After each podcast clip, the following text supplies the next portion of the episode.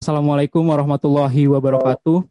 Shalom, Om Swastiastu, Namo Buddhaya Rahayu, salam sejahtera untuk kita semua. Selamat siang teman-teman sekalian, para audiens. Saya ucapkan terima kasih banyak atas mau memberikan kesediaan waktunya untuk mengikuti kajian, mengikuti diskusi hari ini. Sebelum acara kita mulai, mari kita buka kajian hari ini dengan membaca doa agar kajian ataupun juga diskusi kali ini berjalan dengan efektif, berjalan dengan maksimal tentunya. Berdoa menurut agama dan kepercayaan masing-masing dipersilahkan.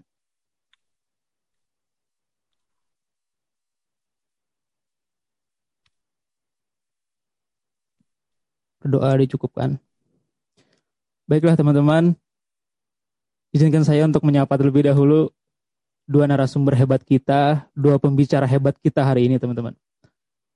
Yang kami hormati Koordinator Wilayah KPA Provinsi Jawa Timur, Bung Isudin. Selamat siang, Bung. Halo, selamat siang. Selamat, selamat siang. Sehat-sehat ya, Bung ya? Sehat-sehat. Sehat-sehat. Harus selalu sehat ya, Bung ya. Kemudian yang kami hormati Bapak Ubaidillah STP MSI selaku dosen FTP UB. Selamat siang, Bapak. Uh, selamat siang, adik-adik. Uh, Assalamualaikum, uh, Pak Izudin uh, dan adik-adik mahasiswa. Terima kasih Bapak sudah hadir bersama kita hari ini.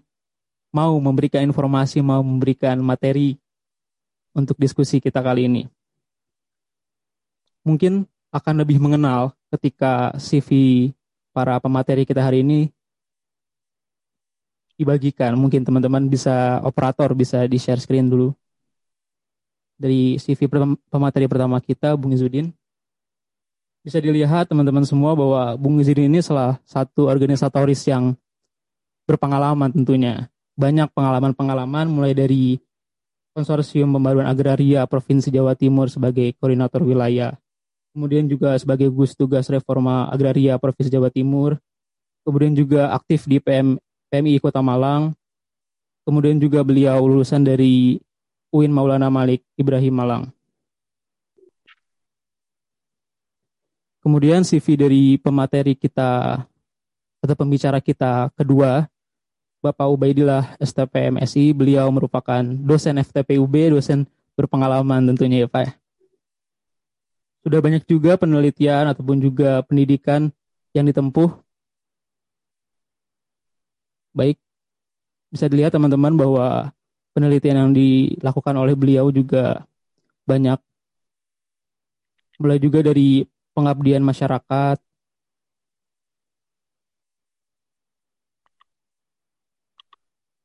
Dan juga ada banyak pengalaman kepenulisan dari Bapak Ubaidillah STP MSI ini.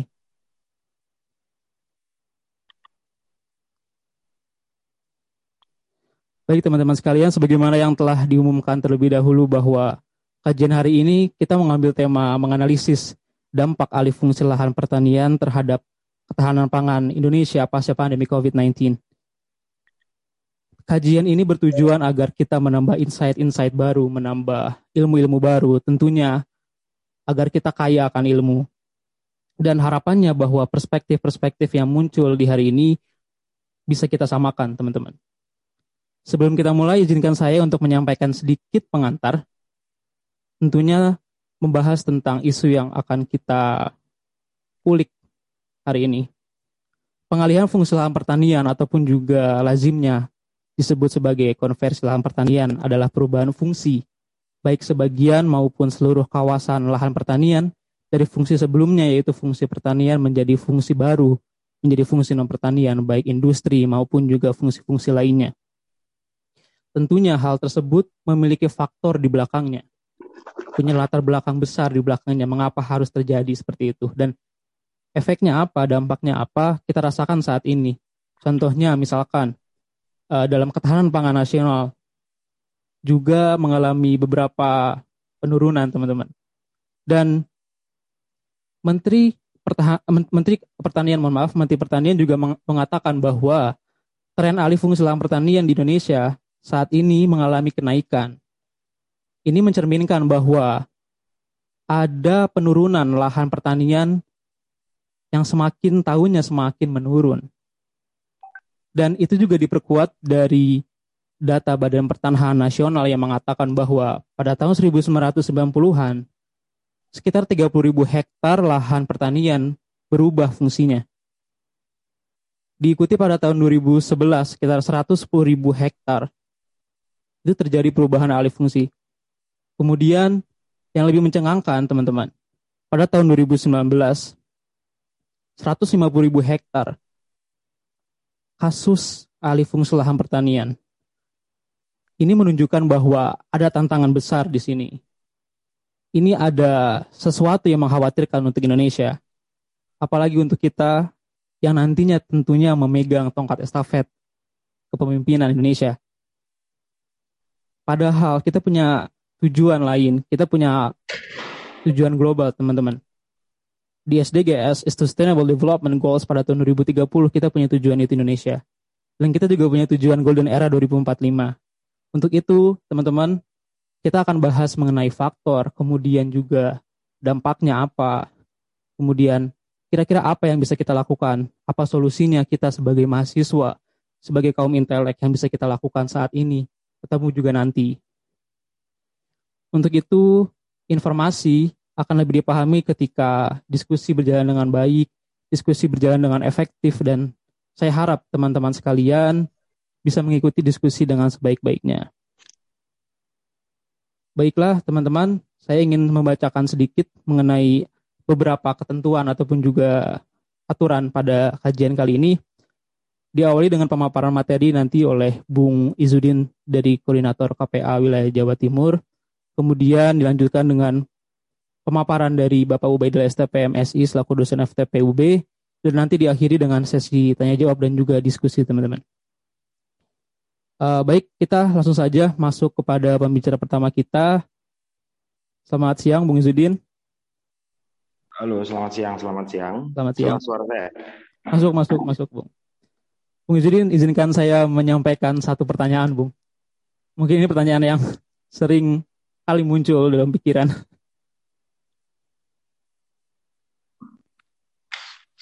Oke, baik, Bung. Menurut Bung Izudin sendiri, bagaimana sebetulnya kondisi ketahanan pangan Indonesia saat ini. Apalagi kita lihat di sisi lain masifnya lahan pertanian berubah fungsi itu semakin meningkat, Bung. Dan sebetulnya apa dampaknya? Apa sebetulnya faktor garis besarnya? Dan kira-kira strategi apa yang bisa kita lakukan, Bung?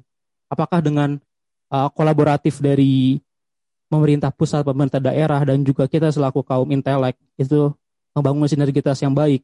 Atau bagaimana, Bung? Kepada Bung Idrin dipersilahkan, Bung. Ya, sebelumnya Assalamualaikum warahmatullahi wabarakatuh. Salam sejahtera. Selamat siang kawan-kawan. Salam. Uh, nama budaya perkenalkan. Ya, jadi tadi sudah perkenalkan ya, Sudi nama saya.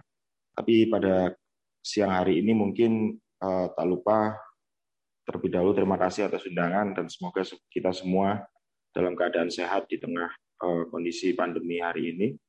Berikutnya mungkin uh, saya mohon maaf sekali karena memang kondisi masih di lapangan yang situasinya belum memungkinkan secara langsung untuk bisa membuat materi atau PowerPoint secara khusus ya. Tapi saya kita coba diskusi ini bagaimana supaya bisa lebih efektif ya.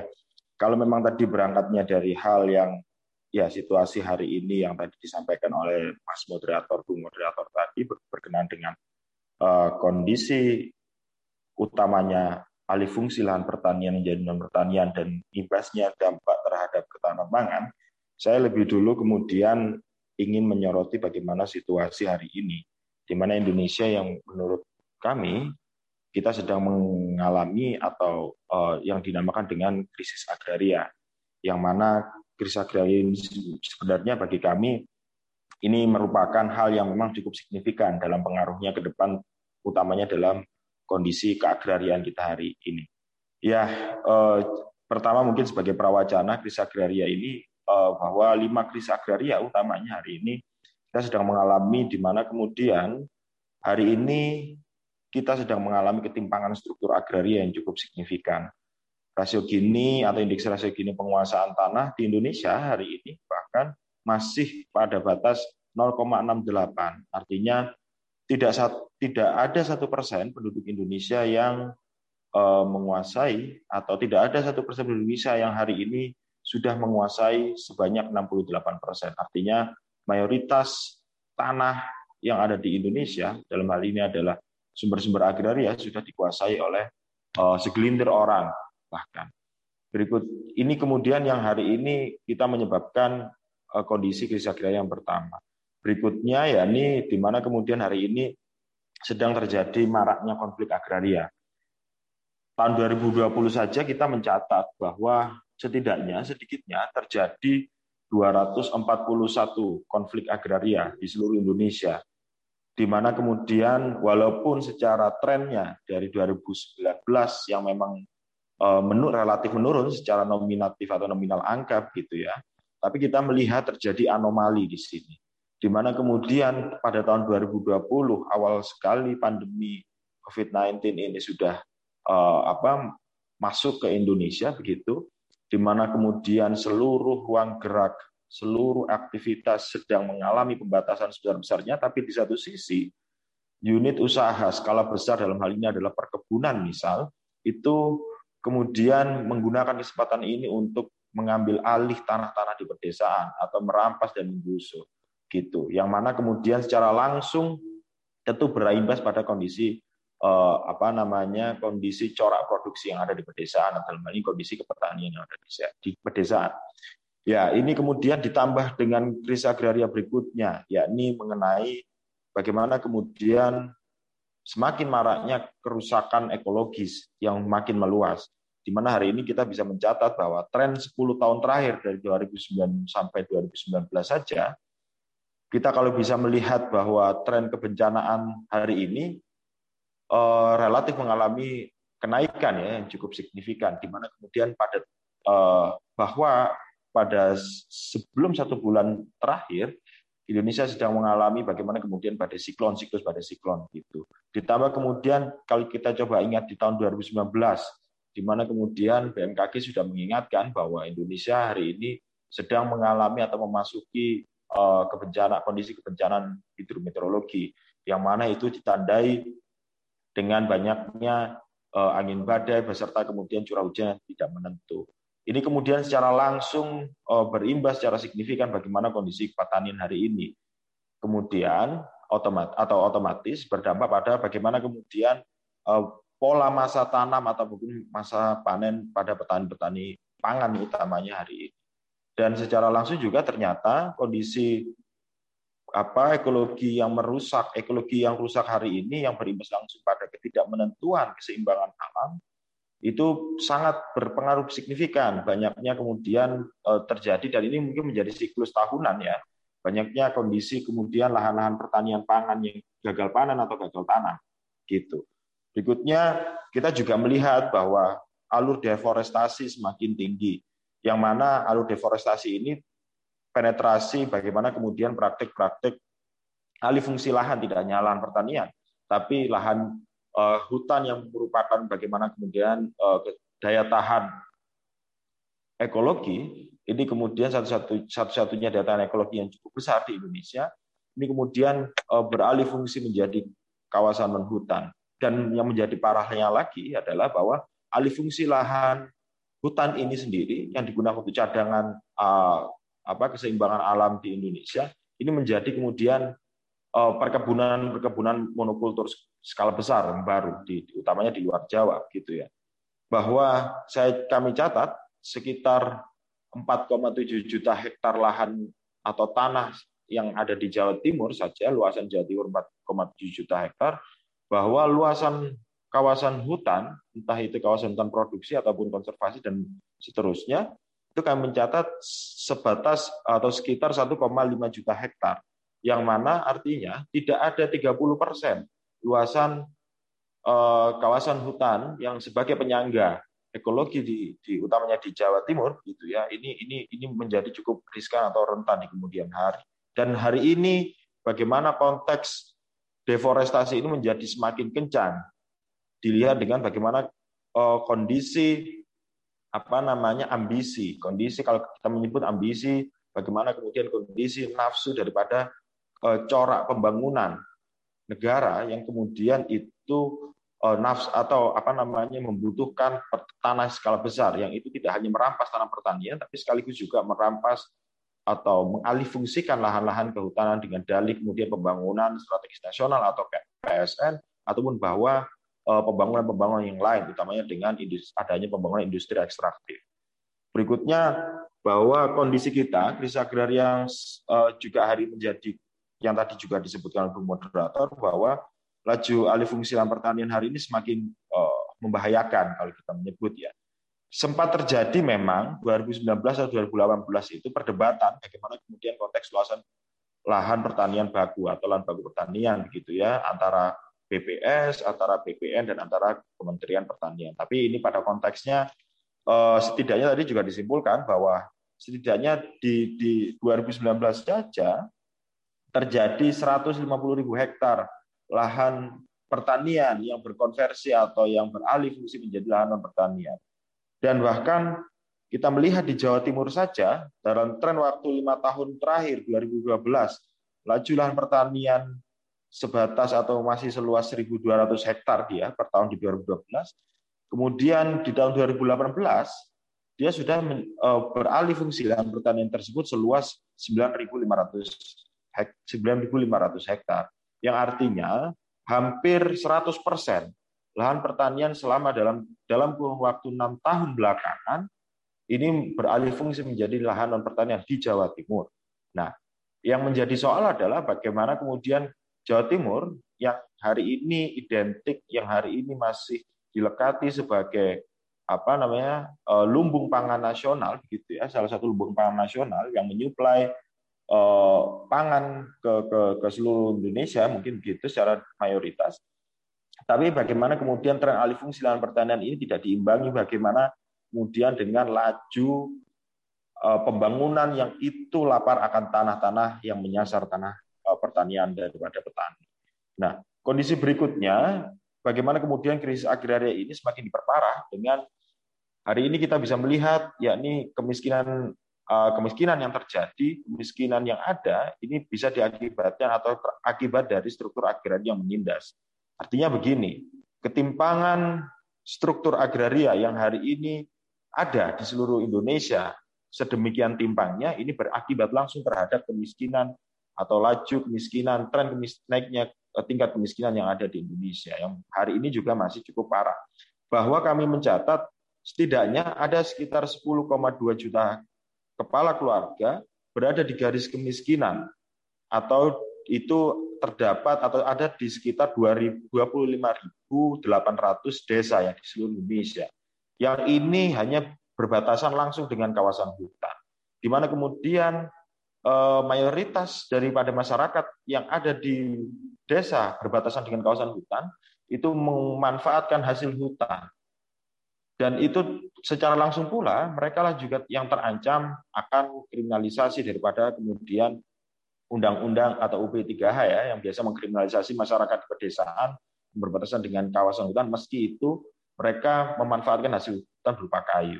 Tapi kondisi ini juga semakin eh, riskan ketika kita melihat di Jawa Timur saja ada setidaknya sedikitnya 4,1 juta hektar di tahun 2019 gitu ya. Ini berada di garis kemiskinan yang mana di uh, tingkat pertama ada di Kabupaten Malang dan kemudian diikuti dengan Kabupaten Jember.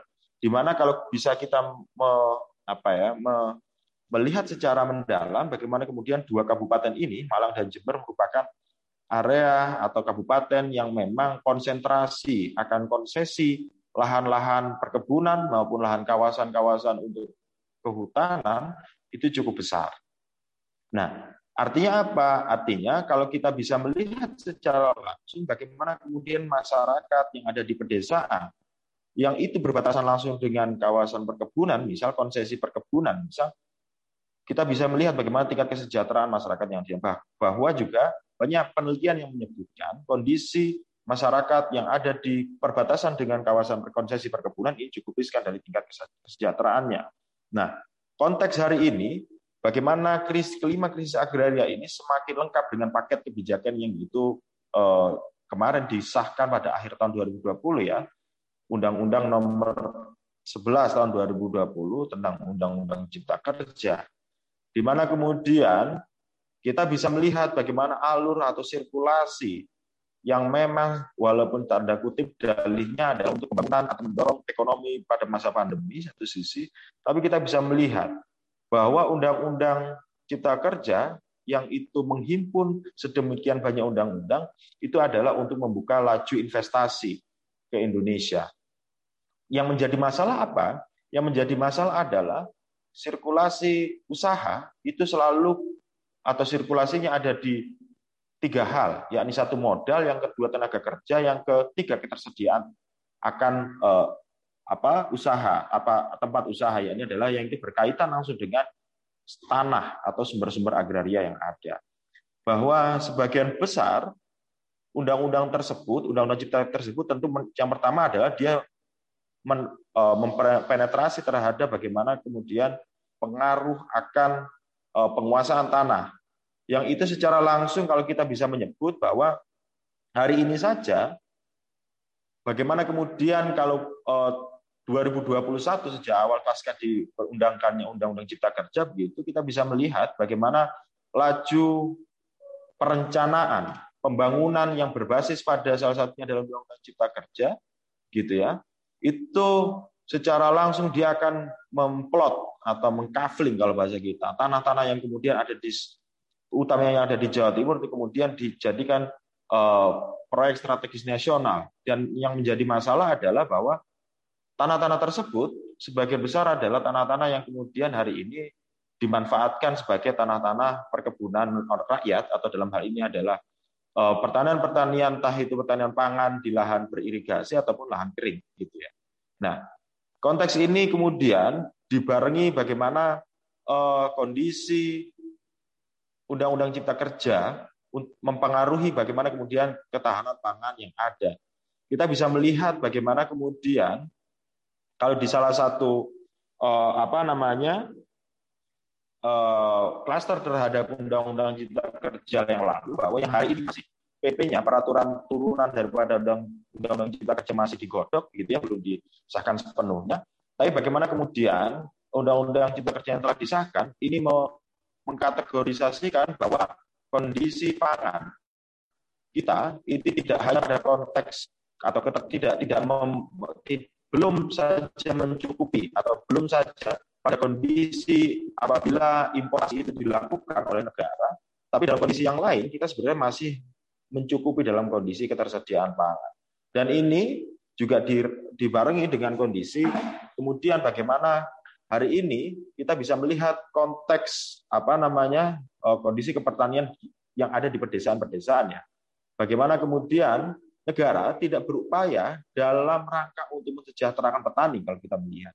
Dalam konteks apa? Dalam konteks tentu setidaknya bagaimana kemudian petani dengan adanya undang-undang perlindungan atau perlintan ya, perlindungan lahan pertanian berkelanjutan satu sisi atau perlindungan dan pemberdayaan petani berkelanjutan itu itu kemudian berimplikasi langsung terhadap petani untuk kemudian menjamin bagaimana usaha petani mulai dari bahwa ditetapkannya lahan pertanian baku di tingkatan kabupaten diperdakan gitu ya secara uh, kebijakan di satu sisi juga menjamin bagaimana kemudian uh, petani-petani tersebut mendapatkan jaminan terhadap unit produksi atau terhadap input daripada uh, usaha pertanian hingga kemudian pada aspek distribusinya pasca panen. Nah, ini inilah konteks kalau kami melihat bahwa kondisi hari ini, bagaimana kemudian dalam atau situasi ke depan deagrarianisasi yang terjadi akibat eh, laju atau konversi lahan pertanian dengan apa? Dengan dasar bahwa seluruh aspek pembangunan yang itu setidaknya menyasar langsung lahan-lahan pertanian eh, rakyat begitu ya ini itu hari ini semakin terancam. Dan dan yang terakhir bahwa kita bisa melihat di akhir tahun 2020 kemarin bagaimana kemudian uh, dikeluarkannya kebijakan atau regulasi yang mana di satu sisi itu adalah kebijakan yang kembali melahirkan ya atau menghidupkan kembali kebijakan Orde Baru kalau kami melihat bahwa yang ini adalah kebijakan tersebut uh, food estate begitu ya. Di mana ini dikonsentrasikan yang ada di Kalimantan uh, Timur ataupun Kalimantan Tengah kalau tidak salah, dan kemudian ada di Sumatera Utara. Nah, bagaimana kemudian ini melanjutkan bagaimana uh, kebijakan terdahulu bagaimana praktik revolusi hijau yang mana itu adalah bias uh, pangan. Artinya apa? Artinya kita bisa melihat bagaimana dampak revolusi hijau terhadap ketergantungan kondisi pangan di Indonesia hari ini yang itu semakin bias padi atau bias beras begitu ya. Di mana dengan adanya kebijakan food estate yang itu di yang itu secara mayoritas adalah diperuntukkan untuk eh, lahan pertanian pangan atau padi, beras gitu ya. Di satu sisi mengabaikan bagaimana menghilangkan bagaimana konteks eh, pangan-pangan lokal yang ada di eh, masing-masing daerah.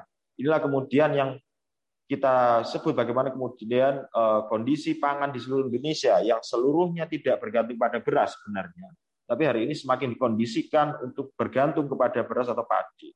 Nah, akibatnya apa? Akibatnya tentu uh, ini berimplikasi terhadap bagaimana corak produksi uh, petani itu terhadap komoditas produksinya utamanya ya, yang itu kemudian didasarkan pada aspek market atau pasar. Dan sayangnya eh, bagaimana pengaruh kebijakan tersebut tidak langsung dibarengi dengan eh, kondisi bagaimana aspek distribusi yang itu tadi kami sebut tidak ada jaminan petani setelah panen begitu ya apa pun komoditas pertaniannya itu tidak ada jaminan bahwa dia akan mendapatkan keuntungan misal atau harganya di bawah harga standar yang hari ini juga uh, faktornya itu juga semakin ter, atau biasanya terjadi di panen raya gitu ya. Nah, ditambah dengan setelah panen raya dibarengi dengan adanya kebijakan importasi yang berskala besar. Nah, ini ini kemudian yang semakin tidak membuat kondisi hari ini kondisi utamanya tidak hanya bagaimana ketahanan pangan ke depan, tapi kondisi ini yang mengakibatkan bahwa semakin terancamnya kondisi petani, utamanya petani-petani pangan yang ada di pedesaan. Gitu Bung, pengantar saya. Baik Bung, terima kasih Bung. Kalau kita tarik ke belakang Bung, apa sebetulnya yang menjadi faktor secara garis besar Bung? Apakah karena pertumbuhan penduduk yang terus meningkat, yang tak terkendali dan memang titik beratnya pada di perkotaan seperti itu Bung? Karena memang kebanyakan alih fungsi lahan pertanian itu terjadi di perkotaan Bung. Apakah karena semakin tingginya pertumbuhan penduduk yang tak terkendali seperti itu, Bung. Ya, kalau pertumbuhan penduduk yang semakin tidak terkendali, menurut saya itu tidak menjadi tidak menjadi salah satu sebab tunggal atau sebab tunggal ya. Tapi bagaimana kemudian kita melihat uh, corak produksi yang ada di pedesaan, yang corak produksi masyarakat pedesaan adalah agraris. Kemudian hari ini kita bisa melihat bagaimana penetrasi atau paradigma pembangunan yang justru menyasar lahan-lahan di pedesaan karena lahan di pedesaan itu relatif murah secara jangkauan harga tanah ya misal begitu itu kemudian mengalihfungsikan lahan di pedesaan utamanya lahan-lahan pertanian akibatnya apa akibatnya kondisi hari ini pun jumlah petani gurem kita atau yang memiliki lahan di bawah setengah hektar itu semakin naik ya kondisi petani gurem hari ini nah hal ini ditandai dengan bahwa oh, sebagian besar petani-petani tersebut merelakan tanahnya untuk kemudian misal diganti rugikan. Karena apa? Karena kondisi uh, sirkulasi atau sistem hari ini uh, corak atau paradigma pembangunan yang bercorak kapitalistik ini kita menyebut ini kemudian secara langsung tidak memperhatikan bagaimana kondisi jangka pendek dan jangka menengah masyarakat di pedesaan yang bercorak agraris atau petani-petani yang ada di pedesaan. Sehingga ini mengkondisikan bagaimana kemudian masyarakat di pedesaan ini secara mudah bersukarela untuk melepaskan tanahnya dengan ganti rugi sekian misalkan. Itu dilepaskan sebagai lahan pembangunan industri misal. Tapi di satu sisi akibatnya bahwa tidak ada jaminan petani tersebut untuk kemudian dari hasil ganti rugi itu misal itu untuk dia bertahan secara jangka panjang karena bagaimanapun juga itulah eh, alat produksi daripada petani. Apabila petani kehilangan alat produksi berupa tanah pertanian, maka secara otomatis dia akan ber, beralih menjadi uh, menjadi biasanya kita menyebut menjadi migran ya ke perkotaan ataupun bahkan ke luar negeri menjadi tenaga kerja uh, apa namanya tenaga kerja di perkotaan dan luar negeri. Dan inilah yang menyebabkan secara efek dominonya bagaimana tenaga kerja di perkotaan gitu ya itu sangat atau tersedia sangat banyak cadangan tenaga kerja dari dari kiriman-kiriman eh, tenaga kerja yang ada di pedesaan. Kalau kalau kalau apa namanya? Kalau Van der menyebut ini ini bagaimana konteks ini adalah eh, diferensiasi demografi gitu ya. Tidak mesti dalam satu keluarga petani seluruhnya akan menjadi petani, tidak. Tapi konteks inilah yang membuat bahwa menjadi sebab berikutnya bagaimana kemudian regenerasi petani kita ini mengalami masa yang cukup riskan atau yang cukup membahayakan bahwa tidak ada hari ini generasi muda, generasi menerus penerus daripada petani-petani yang ingin menjadi petani. Inilah kemudian daripada eh, pengaruh bagaimana petani, apa, usaha pertanian itu tidak cukup menjanjikan bagi mereka yang itu membuat secara langsung dia berbondong-bondong untuk beralih ke kota, ke urban gitu ya, untuk uh, menjadi tenaga kerja, entah itu tenaga kerja yang berskill, berketerampilan khusus, ataupun tenaga bersedia untuk menjadi tenaga kerja murah. Dan inilah yang akan mengancam ke depannya bahwa tenaga kerja yang ada di perkotaan hari ini, atau bahas kita, bisa kita sebut bahwa buruh-buruh di perkotaan hari ini sedang uh, mendapatkan apa namanya tekanan yang cukup besar akibat UU Cipta Kerja yang semakin tidak menjamin kondisi mereka karena cukup sangat melimpahnya tenaga, cadangan tenaga kerja daripada uh, masyarakat di pedesaan yang bermigrasi ke kota gitu Bung.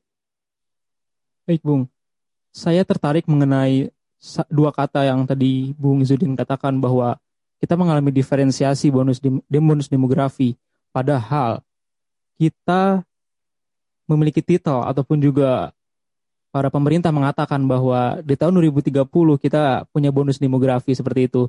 Kita punya tujuan SDGs, kita punya tujuan berbagai macam itu yang tentunya juga menjaga lingkungan seperti itu, Bung. Menurut Bung, apakah titel kita sebagai negara agraris saat ini sudah berjalan dengan baik ataupun juga masih jauh dari kata sempurna, Bung? Persilahkan, Bung. Ya, kalau kalau kami, halo cek, jelas suara saya, Bung? Jelas, jelas, Bung. Kalau kami melihat bahwa kondisi hari ini sebenarnya kita kembalikan saja pada masa awal kemerdekaan Indonesia, di mana Undang-Undang Dasar 1945 pasal 33 ayat 3 begitu ya mengamanatkan bahwa eh, bumi, air, dan kekayaan alam dikuasai oleh negara dan dipergunakan sebesar-besarnya untuk kemakmuran rakyat. Yang kemudian diturunkan dalam Undang-Undang Pokok Agraria bahwa tanah, air, dan apa yang terkandung di dalam tanah beserta udara, ruang angkasa begitu, kemudian dipergunakan untuk diredistribusikan kepada apa namanya masyarakat dalam hal ini siapa rakyat itu, yakni dia adalah petani gurem, landless, yang tidak bertanah, dan juga kemudian petani atau masyarakat miskin di pedesaan. Tujuannya untuk apa? Tujuannya bahwa pada awal masa cita-cita kemerdekaan, sebenarnya kita sudah diamanatkan bahwa dengan adanya Undang-Undang Pokok Agraria menasionalisasikan seluruh perkebunan atau seluruh konsesi-konsesi kolonial atau Belanda penjajah gitu ya yang itu kemudian diatur oleh negara dan diberikan kepada masyarakat-masyarakat yang di pedesaan. Gunanya untuk apa? Gunanya tentu untuk bagaimana melanggengkan usaha-usaha atau corak produksi yang agraris itu sendiri. Nah, beriring tahun eh, digantinya rezim orde lama menjadi orde baru, kita bisa melihat bagaimana eh, undang-undang pokok agraria sebagai basis pembangunan Indonesia yang bersifat atau yang berbasiskan itu dari sumber-sumber agraria ya, tanah dan air dan ruang angkasa yang ada dan ada yang di dalam tanah begitu. Itu itu semakin dieksploitir atau semakin kemudian dikapitalisasi oleh Orde Baru dengan adanya undang-undang penanaman modal asing, dengan adanya undang-undang sektoral, undang-undang kehutanan, undang-undang pertambangan dan lain sebagainya. Yang mana secara langsung itu akan mempenetrasi bagaimana pengaturan sumber-sumber agraria.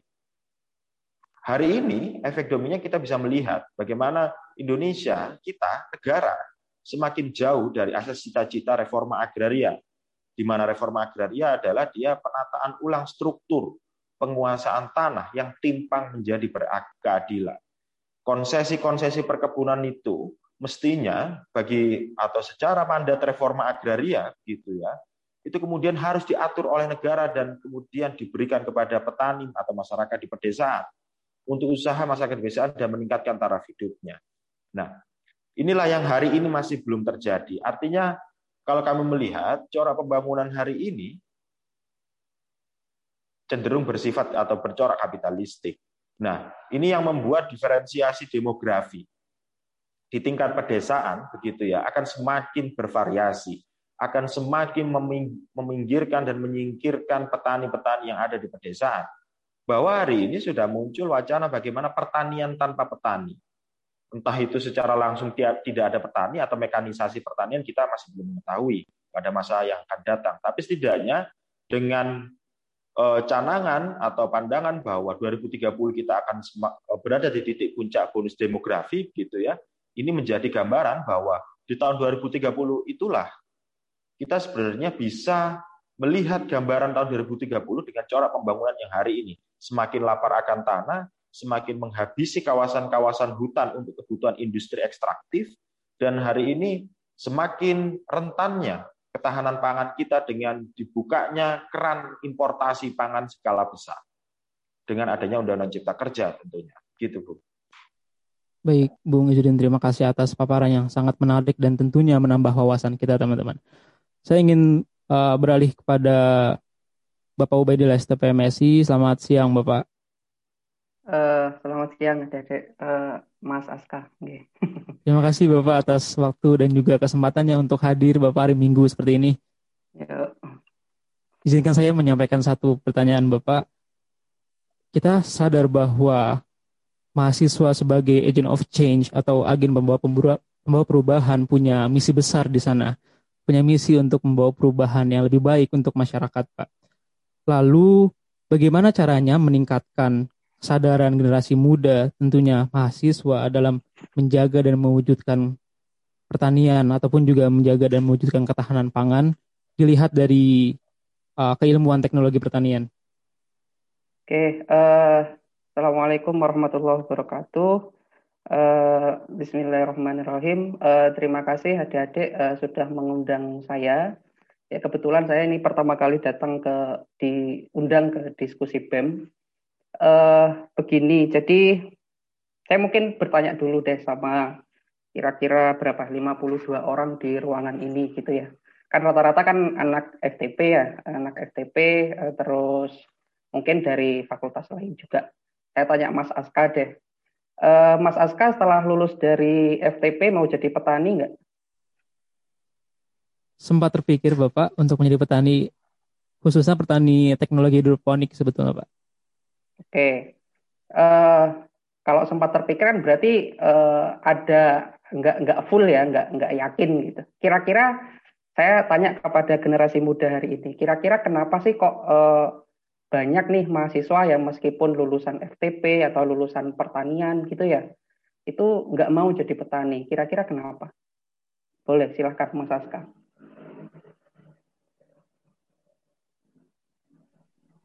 Baik Pak, kalau dari saya pribadi, Pak, hmm. sebetulnya yang menjadi persoalan itu adalah paradigma ataupun juga stigma yang berkembang di masyarakat akan petani itu seperti apa, Pak.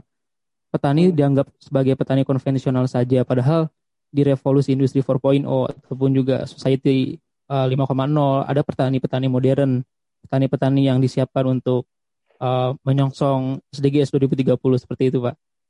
Oke. Okay.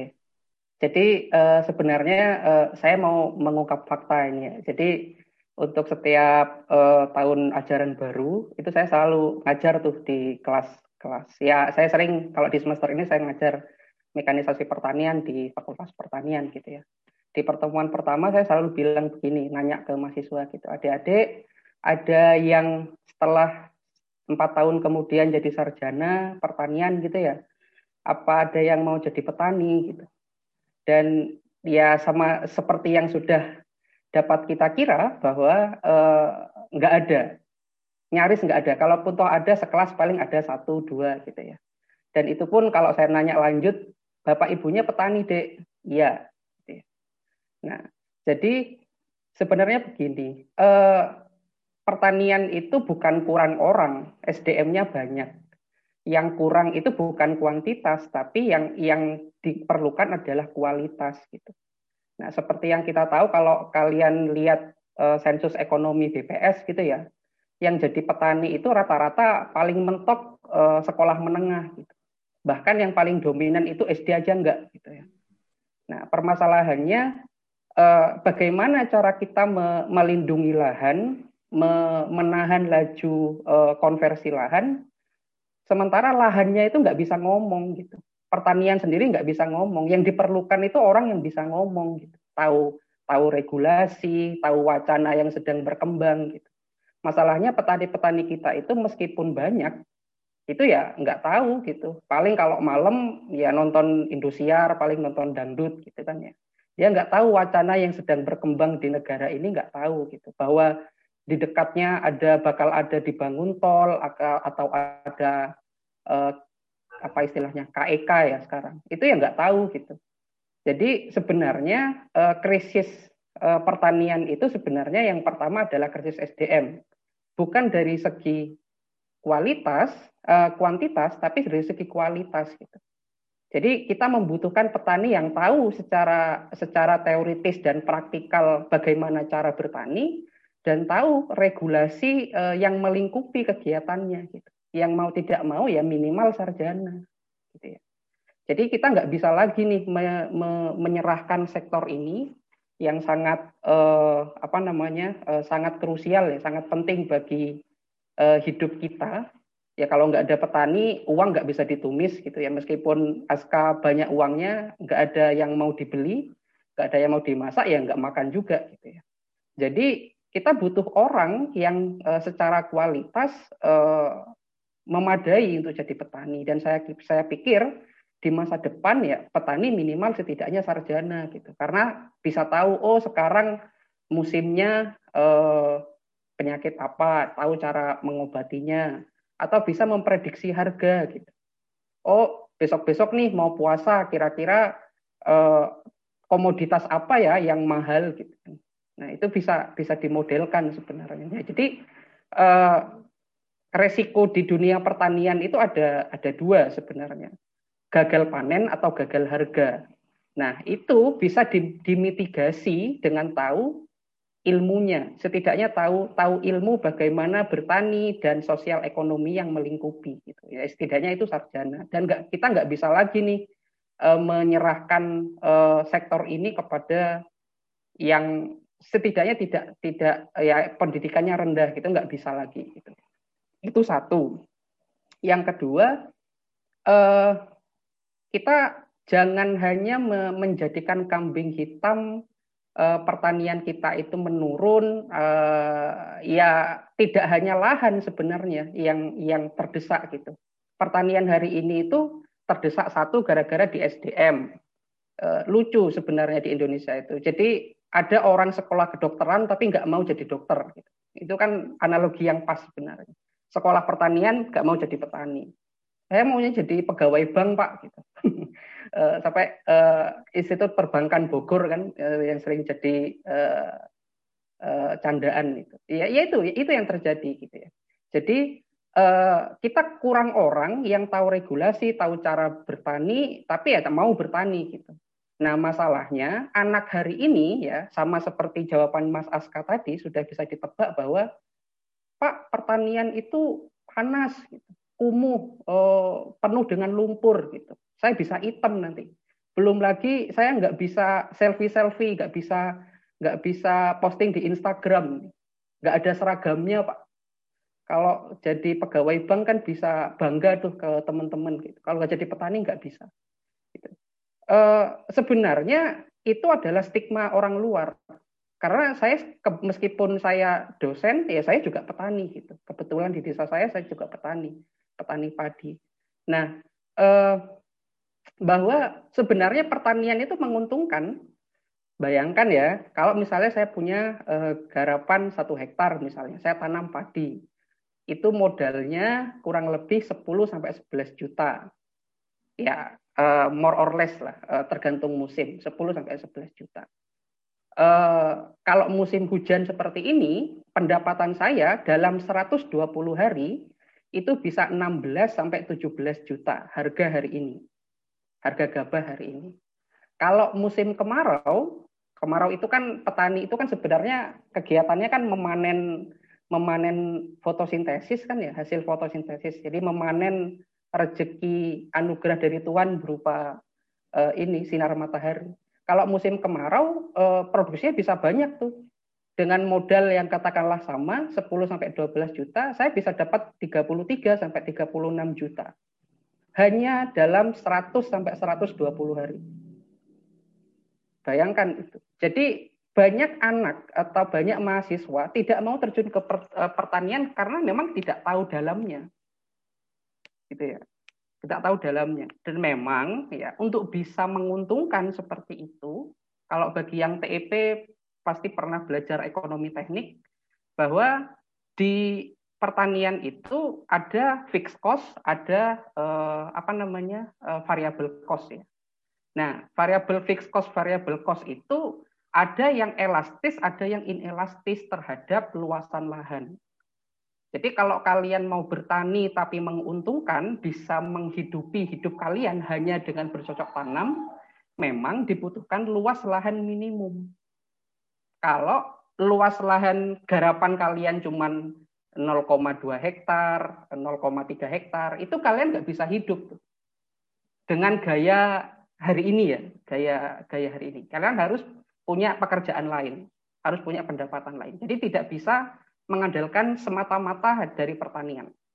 Nah, tapi kalau sudah di atas setengah hektar uh, punya lahan, apalagi kalau yang satu hektar uh, ke atas gitu ya, itu kalian bisa hidup dengan pertanian, hanya dengan bertani pure bertani.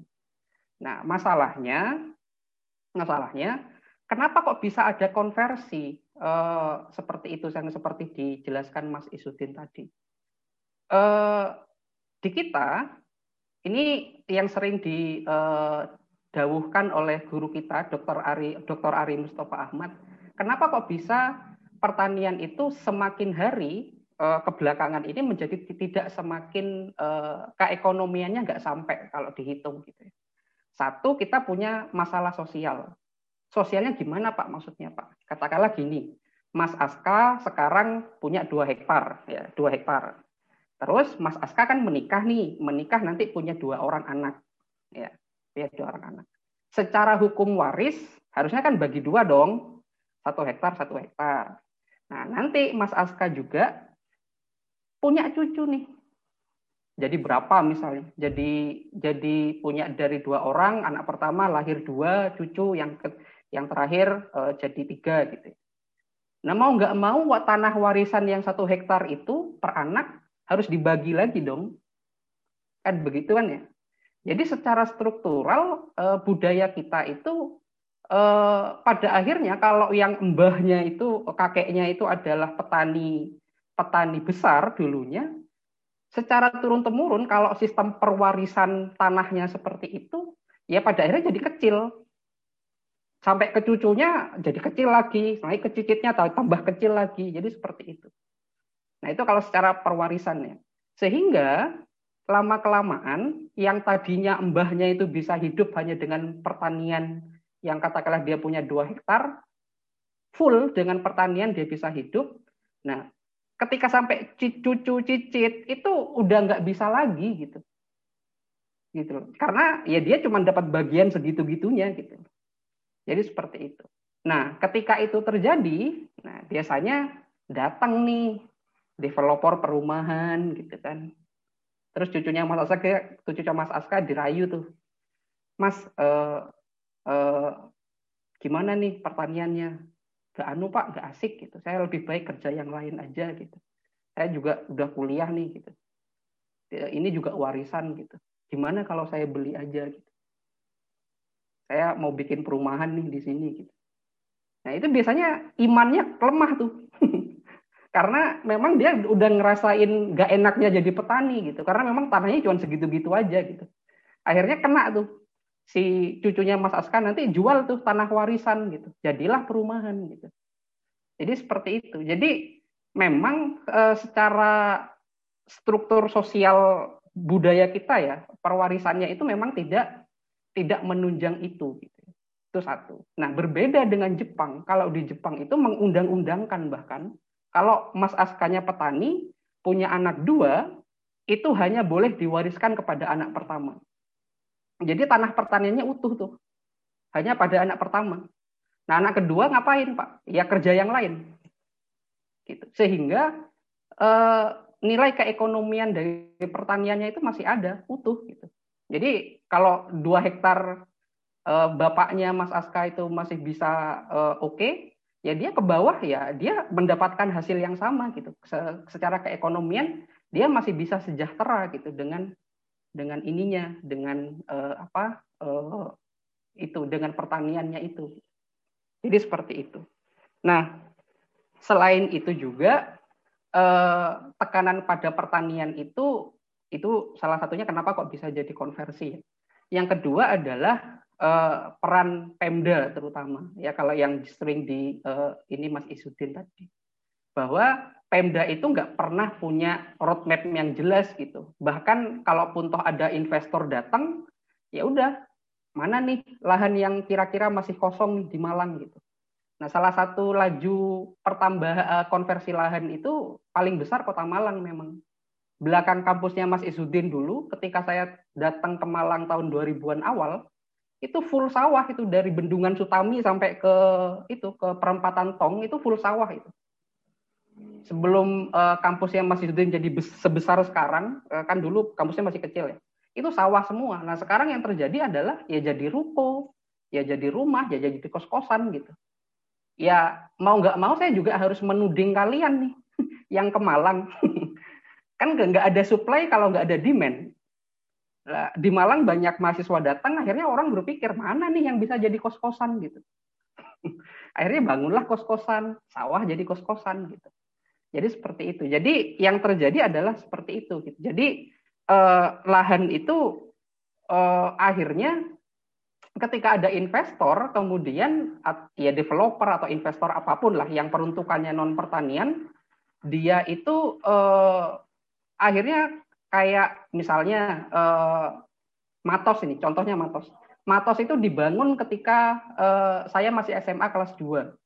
Dulu Matos itu dibangun saat uh, Bupak wali kotanya Penny Suparto namanya, Penny Suparto. Nah itu kan dari jalan veteran terus sampai ke pom bensin jalan Bandung itu kan kampus semua ya terus ada SMA, ada MAN di situ juga. Itu sempat demo. Saya dulu sempat ikut demo itu. Karena memang lahannya Matos hari ini itu dulunya RTH, ruang terbuka hijau. Tapi enggak entah kenapa eh, ada investor masuk mau di situ gitu. Nah akhirnya ya tetap demonya nggak jadi, demonya nggak berhasil gitu. Matos tetap tetap bangun hingga hari ini gitu. Sehingga ya memang dari sisi penguasa memang lebih lebih ini ya lebih lebih gampang untuk mendapatkan royalti royalti dalam petik tanda, tanda petik uh, ya jatah premannya lebih gampang nagih satu orang daripada harus nagih petani gitu. Petani kan susah. Itu nggak nggak pantas ditagih juga gitu ya jadi uh, seperti itu sering terjadi juga ya uh, yang menjadi ini juga inkompetensi dari pengua, dari dari dari Pemda, dari apa pun. Yang menjadi sejak terjadinya otonomi daerah ya banyak uh, bupati, wali kota atau uh, gubernur itu berlomba-lomba ingin dilihat berprestasi. Gitu. Daerahnya nggak butuh bandara, bangun bandara gitu. Sama kayak di ada orang Jember nggak di sini nih, Jember, Banyuwangi gitu itu kan sebenarnya secara nilai keekonomian kalau kalian belajar uh, apa namanya uh, feasibility study itu nggak visible itu secara ekonomi. Ngapain Jember cuma segitu-gitunya bangun bandara gitu. Tapi ya toh dibangun juga dalam rangka ya ini bupati bupatinya, wali kotanya ingin terlihat berprestasi gitu. Yang yang sekarang agak gede itu itu yang di Kertajati, ada orang Jawa Barat nih.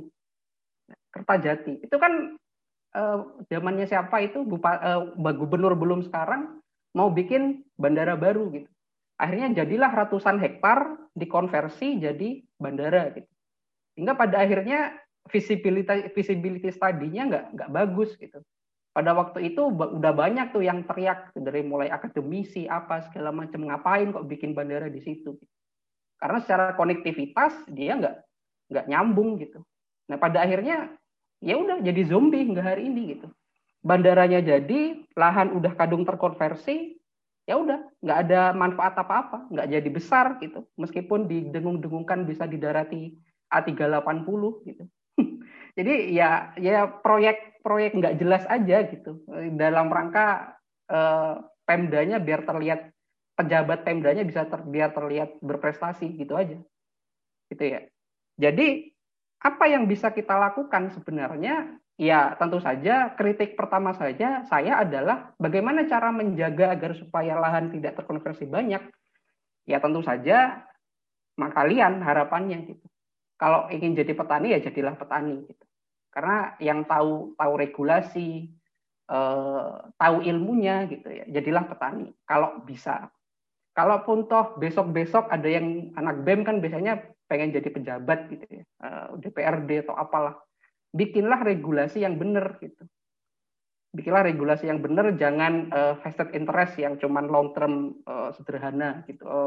Cuman untuk kepentingan sendiri itu jangan gitu ya. Jadi itu salah satu penyebab kenapa konversi bisa uh, jadi konversi itu tidak semata-mata dari sisi ini ya tidak dari semata-mata dari sisi regulasi tapi memang secara struktural yang memang ada gitu ya uh, itunya uh, apa namanya sumbangan faktor yang membuat itu jadi jadi ada gitu nah selanjutnya apakah solusinya sekarang kalau udah kalau udah ini kalau udah apa namanya udah kadung sedikit nih Pak. Sekarang solusinya gimana gitu. Nah, masalahnya eh, apakah kalau pertanyaan kita apakah Indonesia sudah eh, apa ya berdikari soal pangan atau sudah eh, ini secara pangan tergantung tergantung definisimu tentang apa itu eh, berdikari gitu. Kalau cuman bisa makan ya semua bisa dimakan gitu. Tapi kalau mendefinisikan makan hanya berupa nasi ya belum tentu gitu. Makanya eh, kita harus eh, ini gitu. Jadi sebenarnya gini, petani itu sekarang eh, ada ada perubahan sosial ekonomi petani sebenarnya juga salah jadi salah satu faktor ya. Petani dulu zaman mbah-mbah saya orang panen itu ya karena sudah tahu susahnya bertani, uh, ya sudah dia asal asal safe di bagian makanan pokoknya saja ya sudah gitu jadi dia tidak punya tuntutan lain untuk uh, nyekolahin anak lah atau beli gadget seperti orang hari ini gitu. Jadi ya memang karena hidupnya struggle ya dia menjalani itu dengan dengan dengan dengan kearifan lokalnya gitu. Sehingga dia rata-rata petani dulu itu punya lumbung. Habis panen ya sudah. Habis panen disimpan di lumbung untuk makanan selama tidak punya panen lagi gitu. Jadi selama sekarang panen 120 hari katakanlah panen lagi ya dia nyimpen makanan hasil panennya itu di lumbung gitu. Nanti diambil sedikit-sedikit untuk digiles atau diseleb gitu ya. Jadi seperti itu. Nah, petani hari ini itu juga berbeda dengan zaman itu gitu petani hari ini itu tidak menyimpan hasil panennya di lumbung, tapi di dompet. Jadi habis panen ya udah dijual semua tuh. Kalau zaman dulu mbah saya itu masih ingat masih punya gilesan tradisional di rumah.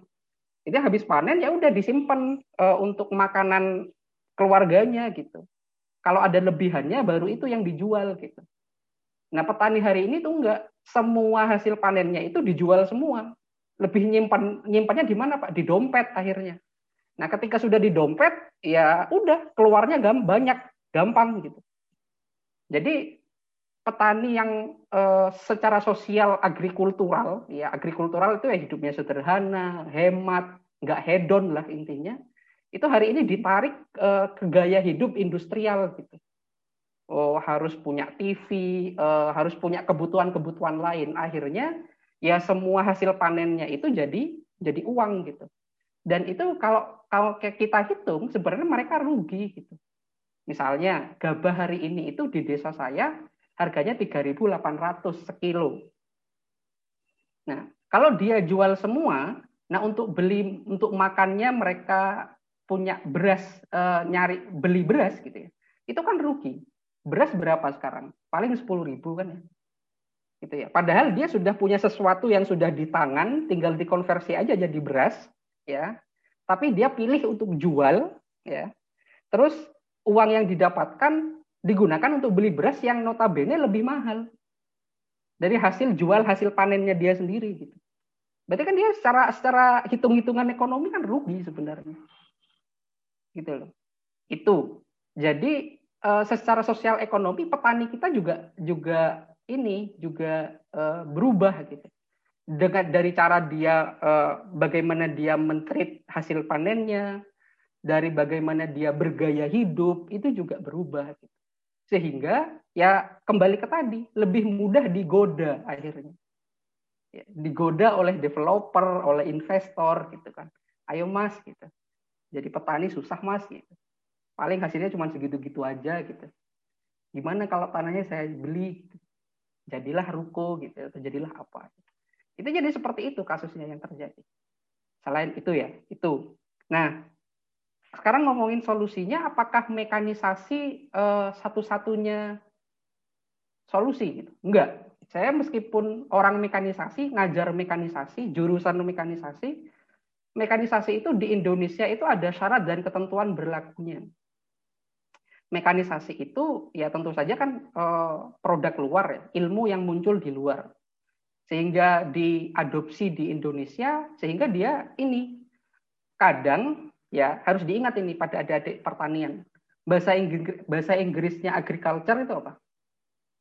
Ah, bahasa Inggrisnya pertanian, ya agriculture kan. Ya. Ingat, ada culture dalam agriculture. Ya. Jadi pertanian itu tidak semata-mata pertanian, tapi ada juga nilai budaya. Jadi eh, seperti itu. Jadi mekanisasi itu kalau kita uh, inje, apa, introduksikan kepada ini boleh jadi nggak cocok gitu. Selain ya, selain mekanisasi itu juga bisa mengancam uh, ini uh, pasar tenaga kerja. Misalnya nih, dulu uh, misalnya uh, orang uh, apa ya memperbaiki galengan misalnya itu pakai cangkul dan itu warga desa oke okay, gitu ya. Nah, tapi ketika ada mesin pembuat galengan Nah, orang-orang yang biasanya kerja bikin galengan ini jadi nggak punya pekerjaan. Nah, ini yang paling baru lagi kasus di uh, kecamatan sebelah. Jadi sekarang kan uh, musim panen nih, panen raya hari ini. Nah, di desa saya itu tenaga kerja untuk panen itu sedang uh, ini sedang peak season. Jadi tenaga kerjanya sulit untuk didapatkan. Mahal kan, suplainya mahal. Nah, sehingga ada orang yang mendatangkan mesin harvester, combine harvester gitu.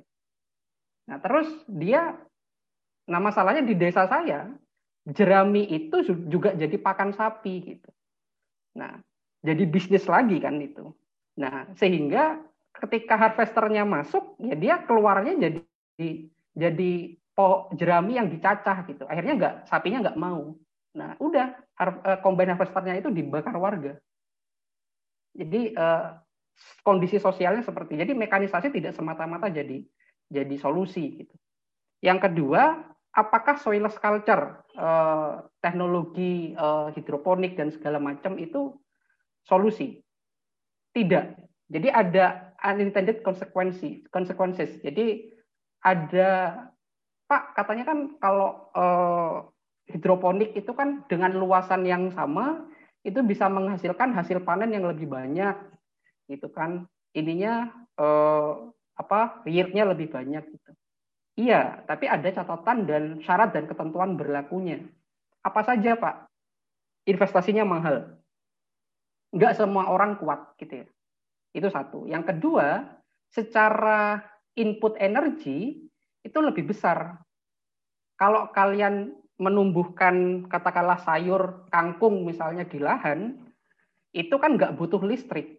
Sementara kalau aska me, apa namanya menanamnya di greenhouse butuh listrik kan. Nah, jadi secara input energi ini butuh banget tuh.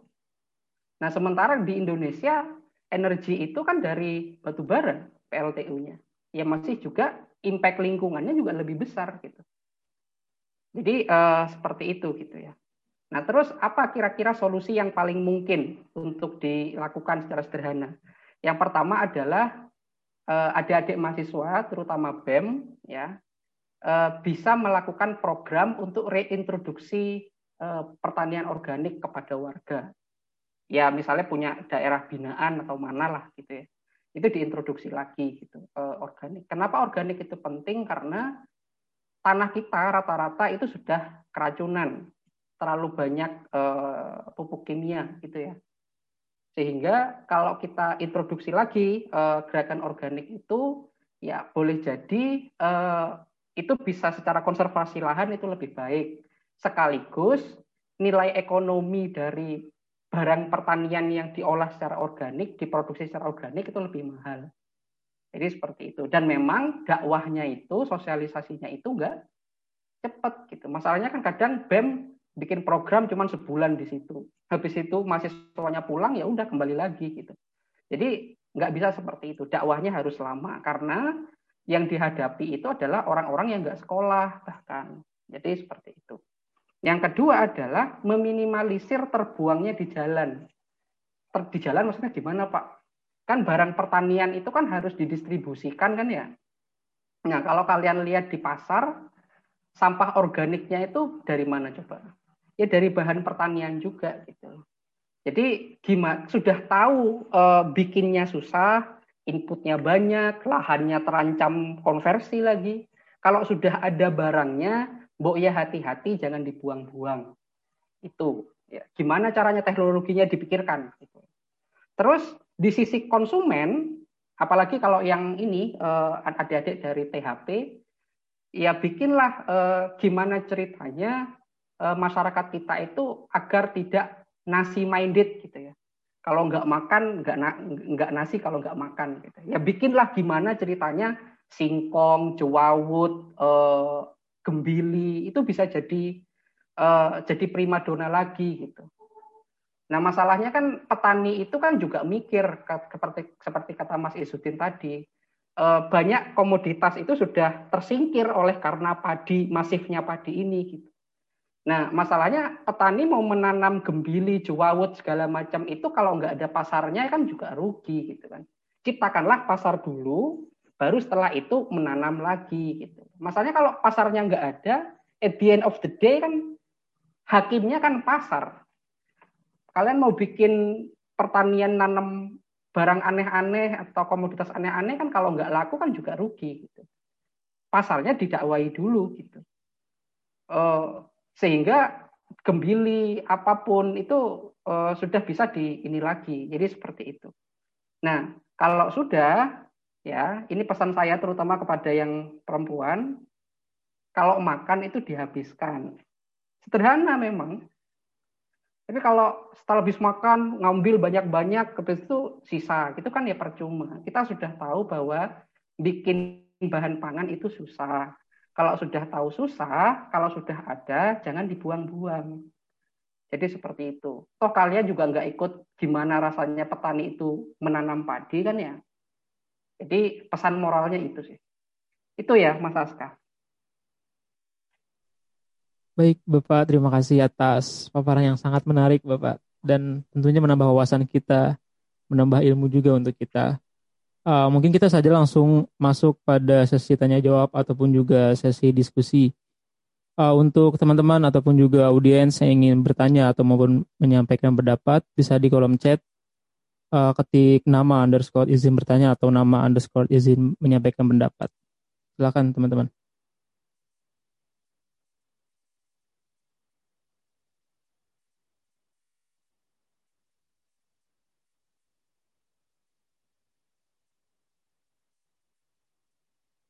Dipersilahkan teman-teman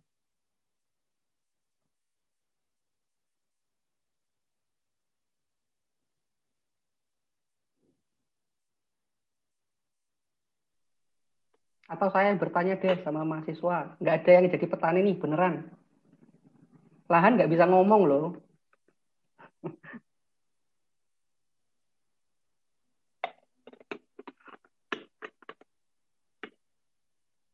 Atau ada yang orang tuanya petani. Nggak ada Pak yang masuk fakultas pertanian orang Jakarta semua. Gitu. Itu ada. Saya sering begitu di fakultas pertanian.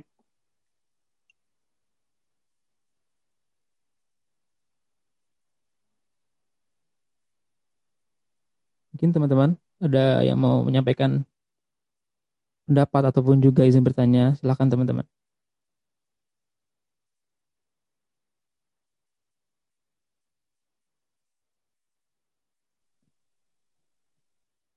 Oke, sambil menunggu teman-teman lain, aku coba izin bertanya kembali Bapak kepada Bapak Ubaidillah juga.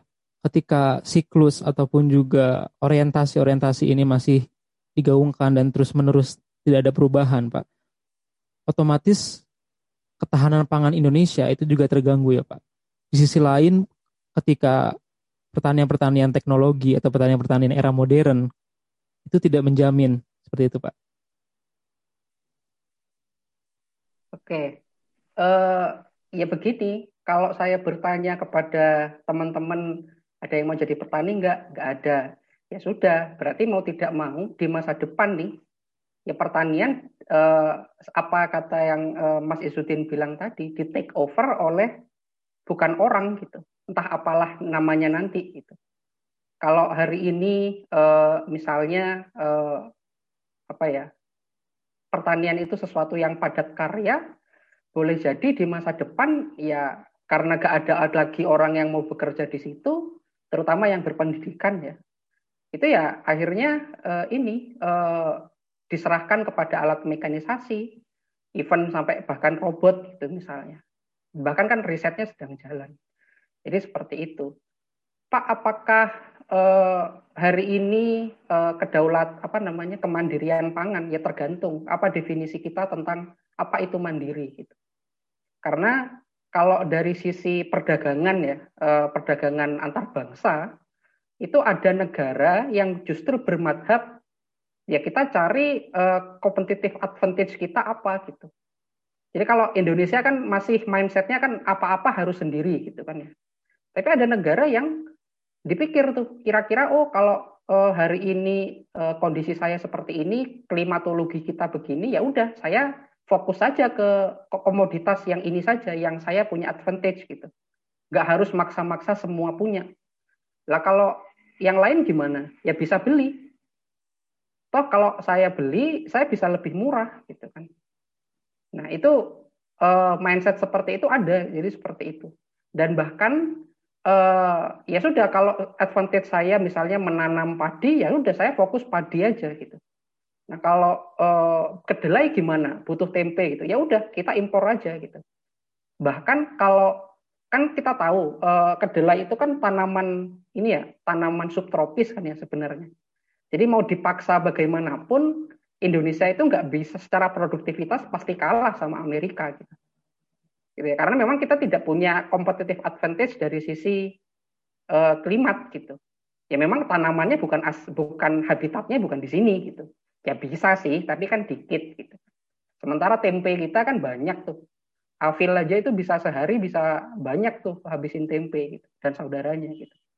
Sehingga ya ya sudah kalau ternyata impor dari Amerika itu lebih murah dan kalau kita secara dihitung secara ekonomi kalau produksi sendiri uh, jelek dan apa ya dan jatuhnya juga lebih mahal ya sudah jadi seperti itu. Jadi ada madhab seperti itu ada mindset yang seperti itu gitu. Kita hitung dulu competitive advantage kita di sebelah mana. Ya sudah kita fokus di situ. Jangan fokus kepada yang secara nature secara alamiah kita memang nggak punya kemampuan eh, keunggulan di situ gitu. Jadi seperti itu mas Aska baik bapak terima kasih. Mungkin dari teman-teman atau dari audiens silakan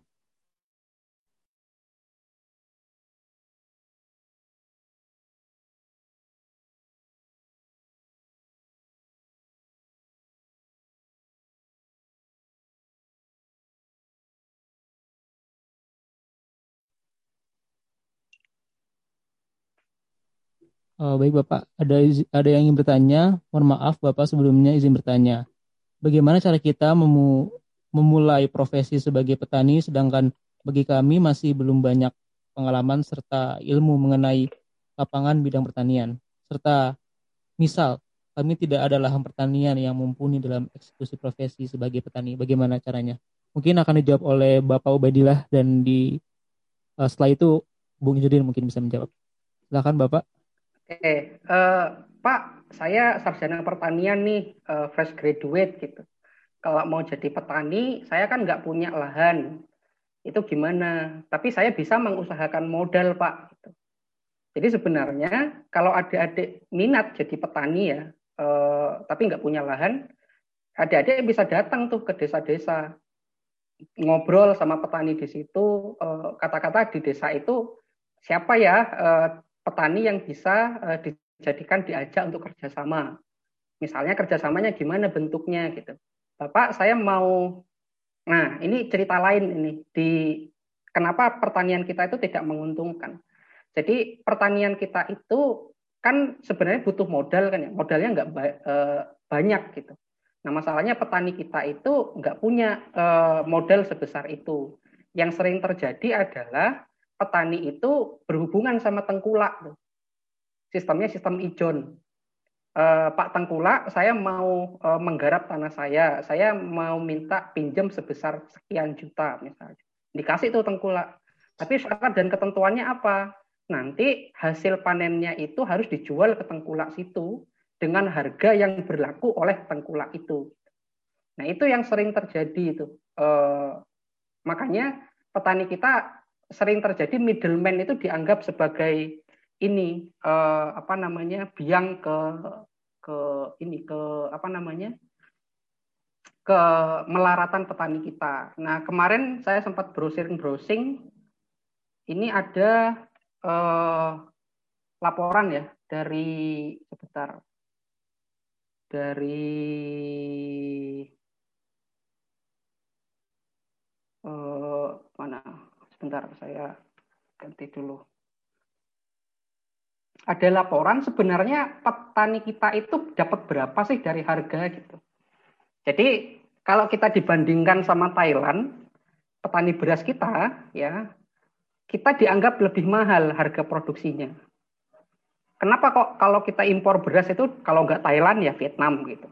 Nah itu, jadi beras di sana HPP-nya murah, harga pokok produksinya murah. Nah, tapi petani kita itu kalau beras di sini mahal, yang bisa dinikmati petani itu cuma sedikit. Nah, ini ada laporan rasio harga padi tingkat petani terhadap harga beras di tingkat uh, retail gitu ya. Di petani kita itu kalau kita beli harga beras misalnya 10.000, petani kita itu hanya mendapatkan pendapatan 4.400-nya gitu. Jadi kalau dibandingkan sama ini, dibandingkan sama Thailand, mereka bisa 64% sendiri balik ke petani gitu. Nah, kenapa kok bisa begitu? Karena middleman kita gitu. Middleman kita itu dia dari tengkulak, dari distributor dan segala macam. Nah, tengkulak itu biasanya berperan tidak hanya membeli padi, tapi juga ini me, menyediakan menyediakan dana dana misalnya mereka bingung nih mau mau garap lagi tapi nggak punya modal. Dia datang ke tengkulak.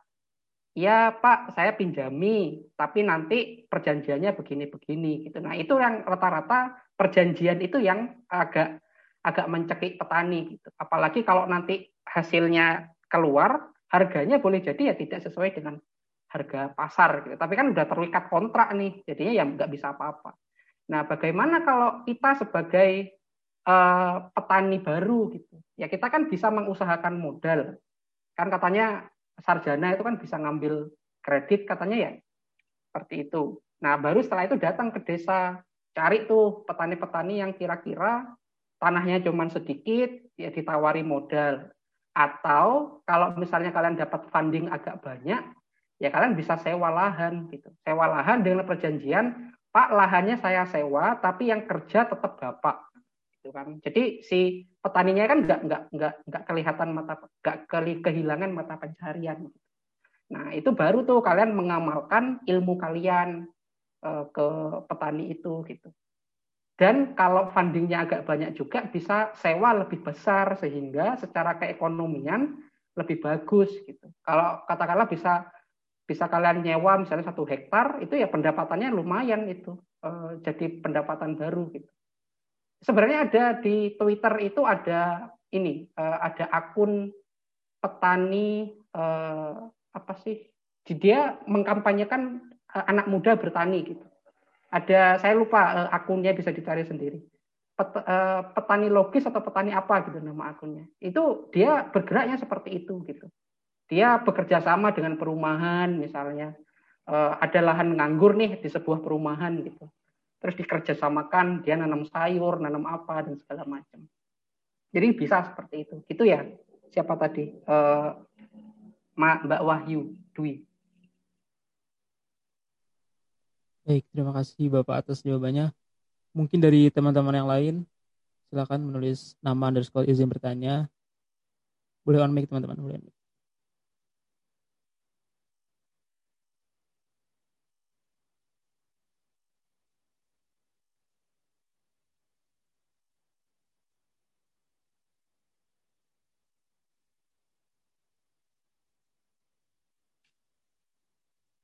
Um, Oke okay, baik, sambil menunggu teman-teman yang lain juga mempersiapkan pertanyaan tentunya, saya ingin kembali ke Bung Izudin. Bung Izudin, terdengar suara saya Bung? Ya, siap. Uh, Bung, ketika siklus ini ataupun juga bisa dibilang pemangku kebijakan, kemudian mahasiswa selaku kaum intelektual, kemudian kaum buruh seperti itu, tidak berjalan dengan baik, tidak sinkron dengan baik, apakah akan terjadi krisis pangan yang betul-betul krisis seperti itu, Bung? Ya, kalau saya melihat sendiri kan begini sebenarnya. Ini ini ini coba kita asumsikan atau saya asumsikan saja. Indonesia tentu kalau dibilang krisis pangan seperti kata Pak Ubaidillah tidak dari uh, sudut pandang yang mana. Tapi dalam satu sisi uh, apabila produktivitas hasil pertanian kita merosot, di satu sisi tentu atau negara pasti akan menambal itu dengan apa? Kebijakan importasi yang semakin besar-besaran. Satu itu. Tapi jangan lupa bahwa pada pertengahan tahun lalu FAO mengingatkan bahwa potensi ke depan pasca pandemi COVID-19 ini, potensi dunia global ke depan adalah bagaimana kemudian dunia berbondong-bondong akan mensecurity, mengamankan begitu, mengamankan daripada pangannya masing-masing. Ini terlihat ketika kemudian pada tahun pertama pandemi COVID-19 ya tahun 2020 begitu. Uh, negara yang kemudian itu sering kali kerap kali digunakan sebagai negara apa ya yang negara untuk diambil pangannya oleh Indonesia dalam hal ini diimpor pangannya seperti Thailand, India ataupun Vietnam sendiri pada tahun pertama itu cenderung membatasi bagaimana uh, eksportasi ke negara-negara lain yang membutuhkan. Ini adalah ini kalau kita lihat uh, tren di tahun pertama ya. Tapi hari ini kemudian kita bisa melihat lagi bagaimana kemudian Indonesia cara kebijakan dia ternyata masih atau mewacana sudah mewacanakan kebijakan importasi pangan sekian juta hektar, eh sekian juta ton beras misal. Nah, dan sekian juta ton garam. Nah, artinya apa? Artinya begini, bahwa uh, kalau kita ngomongkan Paul, Beck, Paul McMahon ya tentang politik pangan, ya siapa yang menguasai dunia dia adalah yang menguasai pangan ke depannya. Nah, karena apa? Ya karena ini bisa dilihat dari segi salah satu indeks kalau kita bisa memotret begitu ya kondisi sosial ekonomi kemasyarakatan salah satu indeks yang dikategorisasikan sebagai terkategorisasi masyarakat yang sejahtera ataupun tidak salah satu indeks pokoknya atau indikator pokoknya dia adalah pangan, ketersediaan pangan bahkan sampai bagaimana kemudian variasi pangan di di dapurnya masing-masing. Misal. Nah, ini ini ini semakin uh, riskan apabila kalau kita melihat hari ini bagaimana kemudian dalam kacamata kami negara semakin mengkomersialisasikan atau bahkan semakin mengekspansi bagaimana kemudian corak pembangun atau paradigma pembangunan yang semakin hari ini semakin tidak terkendali. Salah satu, satu sisi dia semakin mengeksklusi atau menyingkirkan unit usaha pertanian dalam hal ini adalah pelaku usaha seperti petani-petani untuk kemudian diusir karena kepentingan-kepentingan modal.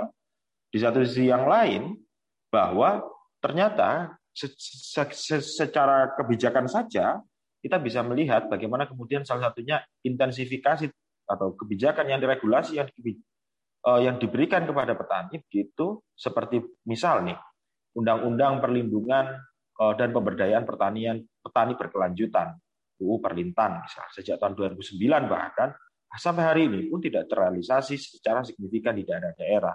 Di mana sebenarnya manfaat kalau secara holistik gitu kita melihat manfaat daripada undang-undang tersebut sebenarnya untuk salah satunya adalah untuk memutus rantai produksi atau rantai distribusi ya untuk kemudian meninggalkan ketergantungan terhadap misal tadi yang disebutkan Mbak Ubed gila adalah eh, terhadap tengkulak. Nah, itu itu salah satunya. Dia di, kemudian lebih diberikan jaminan terhadap akses pasar tapi hari ini kemudian itu semakin tersingkirkan dan masih tetap ternyata coraknya kita pasca panen begitu petani-petani hari ini ya dia kemudian diberikan kepada tengkulak mau nggak mau karena sistem politik hijau pertanian tadi. Di satu sisi kalau uh, di di uh, James Scott menyebut ya bagaimana kemudian moral ekonomi petani yang itu salah satunya adalah dia melihat bagaimana kemudian penelitiannya di Asia Tenggara gitu salah satunya adalah Indonesia bagaimana kemudian bahwa sebenarnya corak produksi bahkan sampai corak pertanian masyarakat Indonesia dalam hal ini adalah Asia Tenggara begitu ya itu masih terkategori masih adanya pola yang subsisten. Artinya sebagian eh, sebagian hasil pertaniannya masih dia disediakan untuk kebutuhan dapurnya. Walaupun memang secara skala gitu kalau era sebelumnya mungkin ya itu sudah masih ada lumbung pangan di tingkat desa tapi hari ini lumbung pangan tingkat desa tidak ada di, di dialihkan menjadi bulog di tingkat kabupaten. Gitu. Nah dan corak subsistensi ini di tingkatan rumah tangga petani hari ini masih diakui atau tidak itu masih ada. Tapi itu akan semakin tergerus dengan uh, dinamika atau perkembangan hari ini yang ini tadi seperti saya sebutkan adalah uh, bagaimana diferensiasi demografi. Kalau satu keluarga, satu rumah tangga petani tidak sepenuhnya mereka akan menjadi tenaga kerja pertanian, misal di satu unit atau satu lahan usahanya.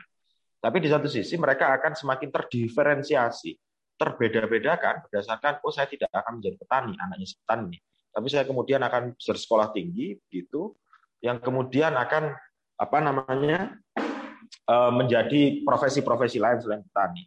Sehingga itu akan terhitung bagaimana kemudian skala ketersediaan dari hasil pertanian, subsistensi tadi, dari yang satu ton hasil panen disediakan untuk dapurnya, di lumbung rumah tangganya, begitu semakin tergerus, dia bisa menjadi hanya sekitar dua kintal. Yang 8 kintal ke mana? Ya menjadi atau ditransaksikan untuk kemudian mencukupi anak-anaknya atau keluarganya yang memang dia secara corak terdiferensiasi gitu tidak hanya tidak menjadi petani lagi. Nah, dan dan berikutnya saya rasa ketahanan pangan atau bahkan krisis pangan hari ini yang pertama memang sudah diperingatkan oleh FAO ya lembaga pangan dunia gitu. Tapi di satu sisi eh, kita semakin melihat bahwa corak produksi di pedesaan yang hari ini masa, masih dominannya adalah pertanian itu hari ini semakin tersingkirkan, teralihkan. Bagaimana kemudian makin hilangnya lahan-lahan pertanian yang itu secara langsung berimplikasi bahwa saya saya yang hari ini petani mempunyai lahan secara individu di kemudian hari karena saya ada bukan petani kaya saya ini ini diferensiasi kelas ala Bernstein, Bernstein ya begitu. Di tingkatan petani ada kelasnya masing-masing, petani kelas miskin atau gurem, kelas menengah dan kelas uh, kaya. Bagaimana kemudian petani kelas miskin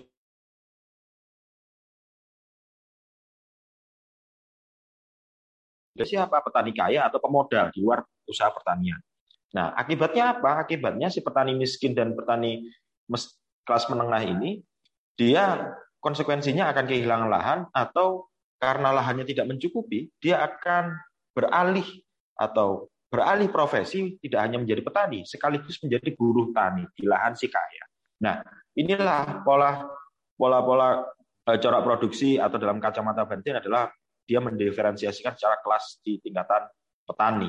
Yang ke ke depannya otomatis petani-petani gurem yang tadi gambarannya sudah disampaikan oleh Pak Ubaidillah bahwa uh, basisnya adalah basis warisan. Tapi hari ini memang demikian adanya bahwa ke depan bahwa petani-petani gurem, petani-petani tidak memiliki atau lahan kepemilikannya di bawah setengah hektar, entah itu dari hasil waris ataupun tidak, kemudian kemudian hari akan terus bertambah. Dan catatannya petani gurem inilah yang terkategori petani miskin.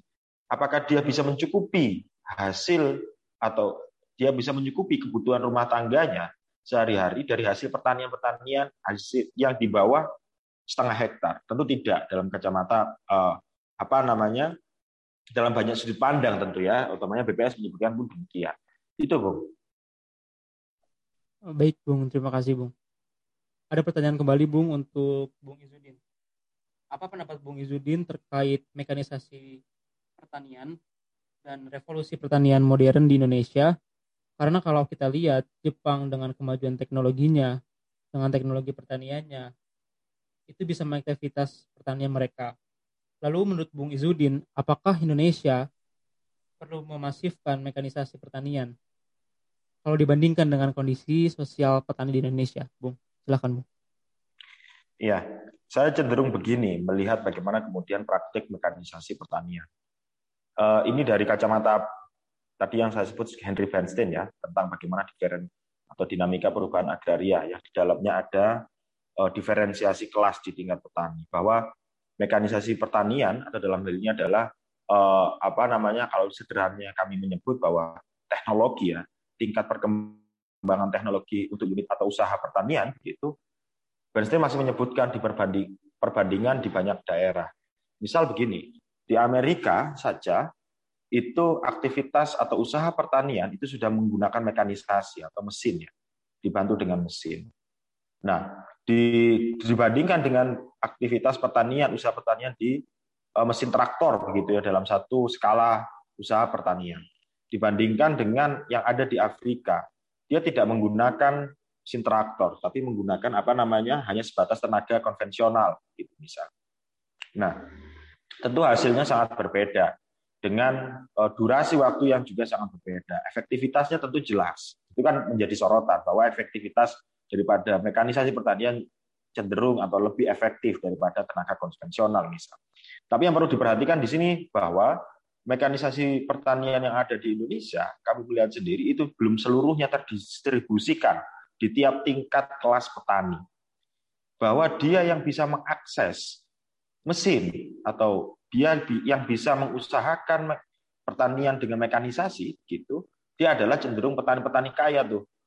Petani-petani yang punya lahan luas, petani-petani yang memang komoditasnya atau secara pendapatan dia tinggi, dialah yang bisa menyewa traktor untuk panen misalnya di padi.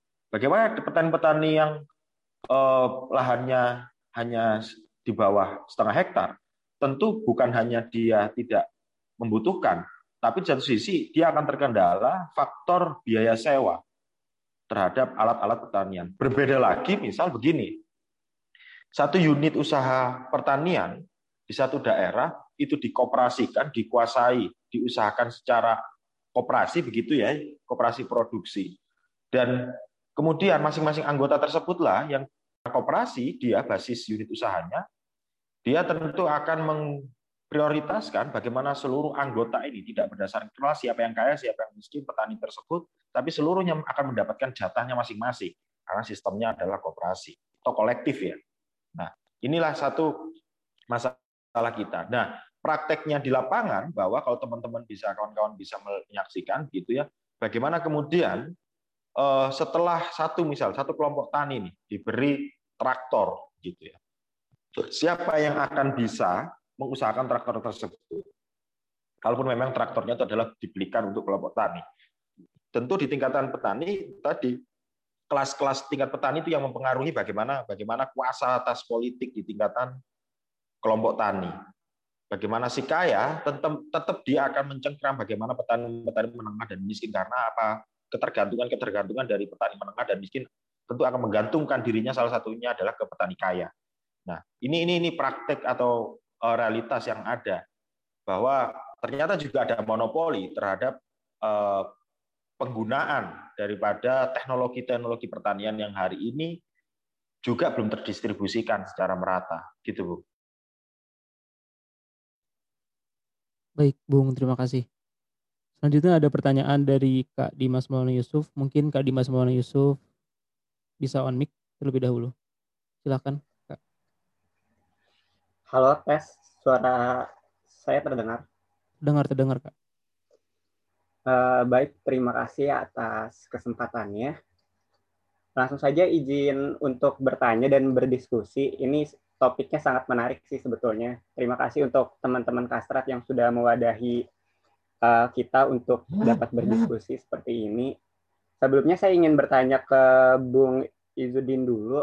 Permasalah tadi kan sudah dipaparkan banyak sekali uh, paradigma dan permasalahan yang kita hadapi di Indonesia untuk mencapai ketahanan pangan nasional. Uh, sebelumnya saya di sini izin berpendapat.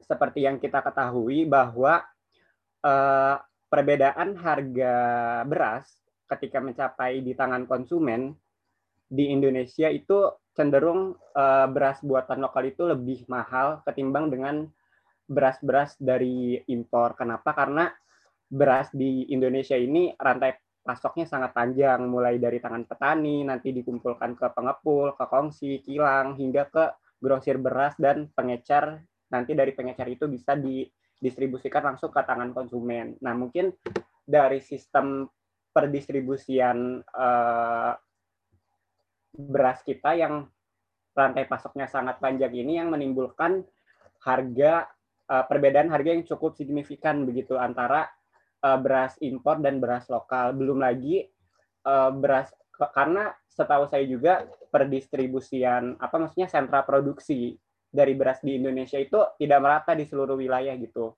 Contohnya saja untuk memenuhi kebutuhan uh, pangan beras di Papua itu uh, berasnya bisa diimpor dari Sulawesi bahkan dari Jawa sehingga itu yang menyebabkan lebih mahalnya harga beras lokal. Nah, yang ingin saya tanyakan adalah sebenarnya fokus pemerintah yang harus uh, di apa ya difokuskan terlebih dahulu itu adalah permasalahan persoalan peningkatan produktivitas dari lahan pertaniannya itu sendiri atau pembenahan dari distribusi uh, berasnya itu yang sebenarnya harus dibenarkan dulu oleh pemerintah untuk mencapai ketahanan pangan di Indonesia. Dan uh, izin bertanya kepada Pak Ubaidillah, sebelumnya tadi Bapak sempat bertanya gitu, mengapa banyak kalangan muda di Indonesia ini tidak mau menjadi petani seperti itu. Bahkan kalau kita bertanya ke mahasiswa pertaniannya, sekalipun yang uh, mempelajari di bidangnya itu pun enggan untuk menjadi petani. Mungkin saya ingin sedikit cerita, Pak.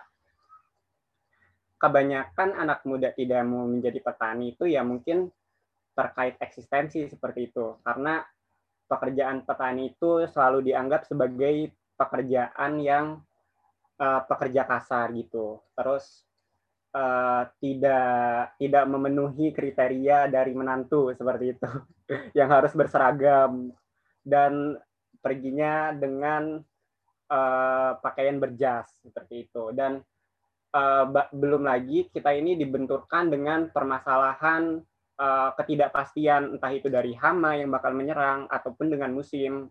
Sedangkan uh, dengan bergesernya era ke zaman sekarang ini kita seperti yang kita tahu banyak gitu uh, generasi milenial sekarang nih yang tidak apa ya yang ingin kerjanya tuh simple gitu tuh cuman duduk di kursi terus menikmati uang yang mengalir tidak harus uh, apa ya banyak effort apa banyak effort yang dikeluarkan gitu untuk menyelesaikan suatu pekerjaan. Dan tentunya itu mungkin tidak apa ya tidak tidak seeksis uh, pekerjaan lain gitu tuh di usaha pertanian ini. Nah, terus juga permasalahan lainnya itu adalah sebenarnya dari teman-teman saya pun banyak yang tertarik di bidang pertanian, tetapi tentunya saja pertanian modern gitu.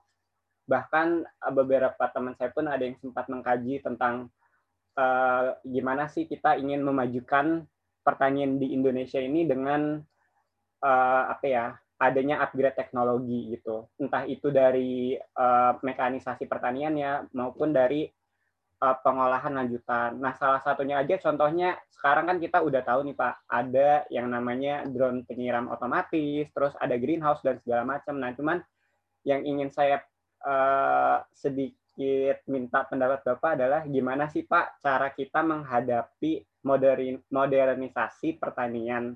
Tapi kita ini selalu dibenturkan gitu Pak dengan kalau kita mau membawa teknologi ini petani kita ini belum belum punya ilmunya nyampe ke sana. Terus selalu dibenturkan juga dengan permasalahan kalau kita menghadir, menghadirkan teknologi secanggih ini, memangnya uh, income-nya itu bakal lebih menguntungkan. Kan seperti kita tahu, kalau kita mau mengupgrade dengan teknologi, pasti banyak cost yang harus dikeluarkan gitu kan. Nah itu kira-kira harga berasnya jadi mahal atau gimana. Nah justru hal-hal gitu tuh yang makin mempertanyakan kita gitu Pak, sebagai mahasiswa uh, bagaimana untuk tetap mempertahankan eksistensi di pertanian ini.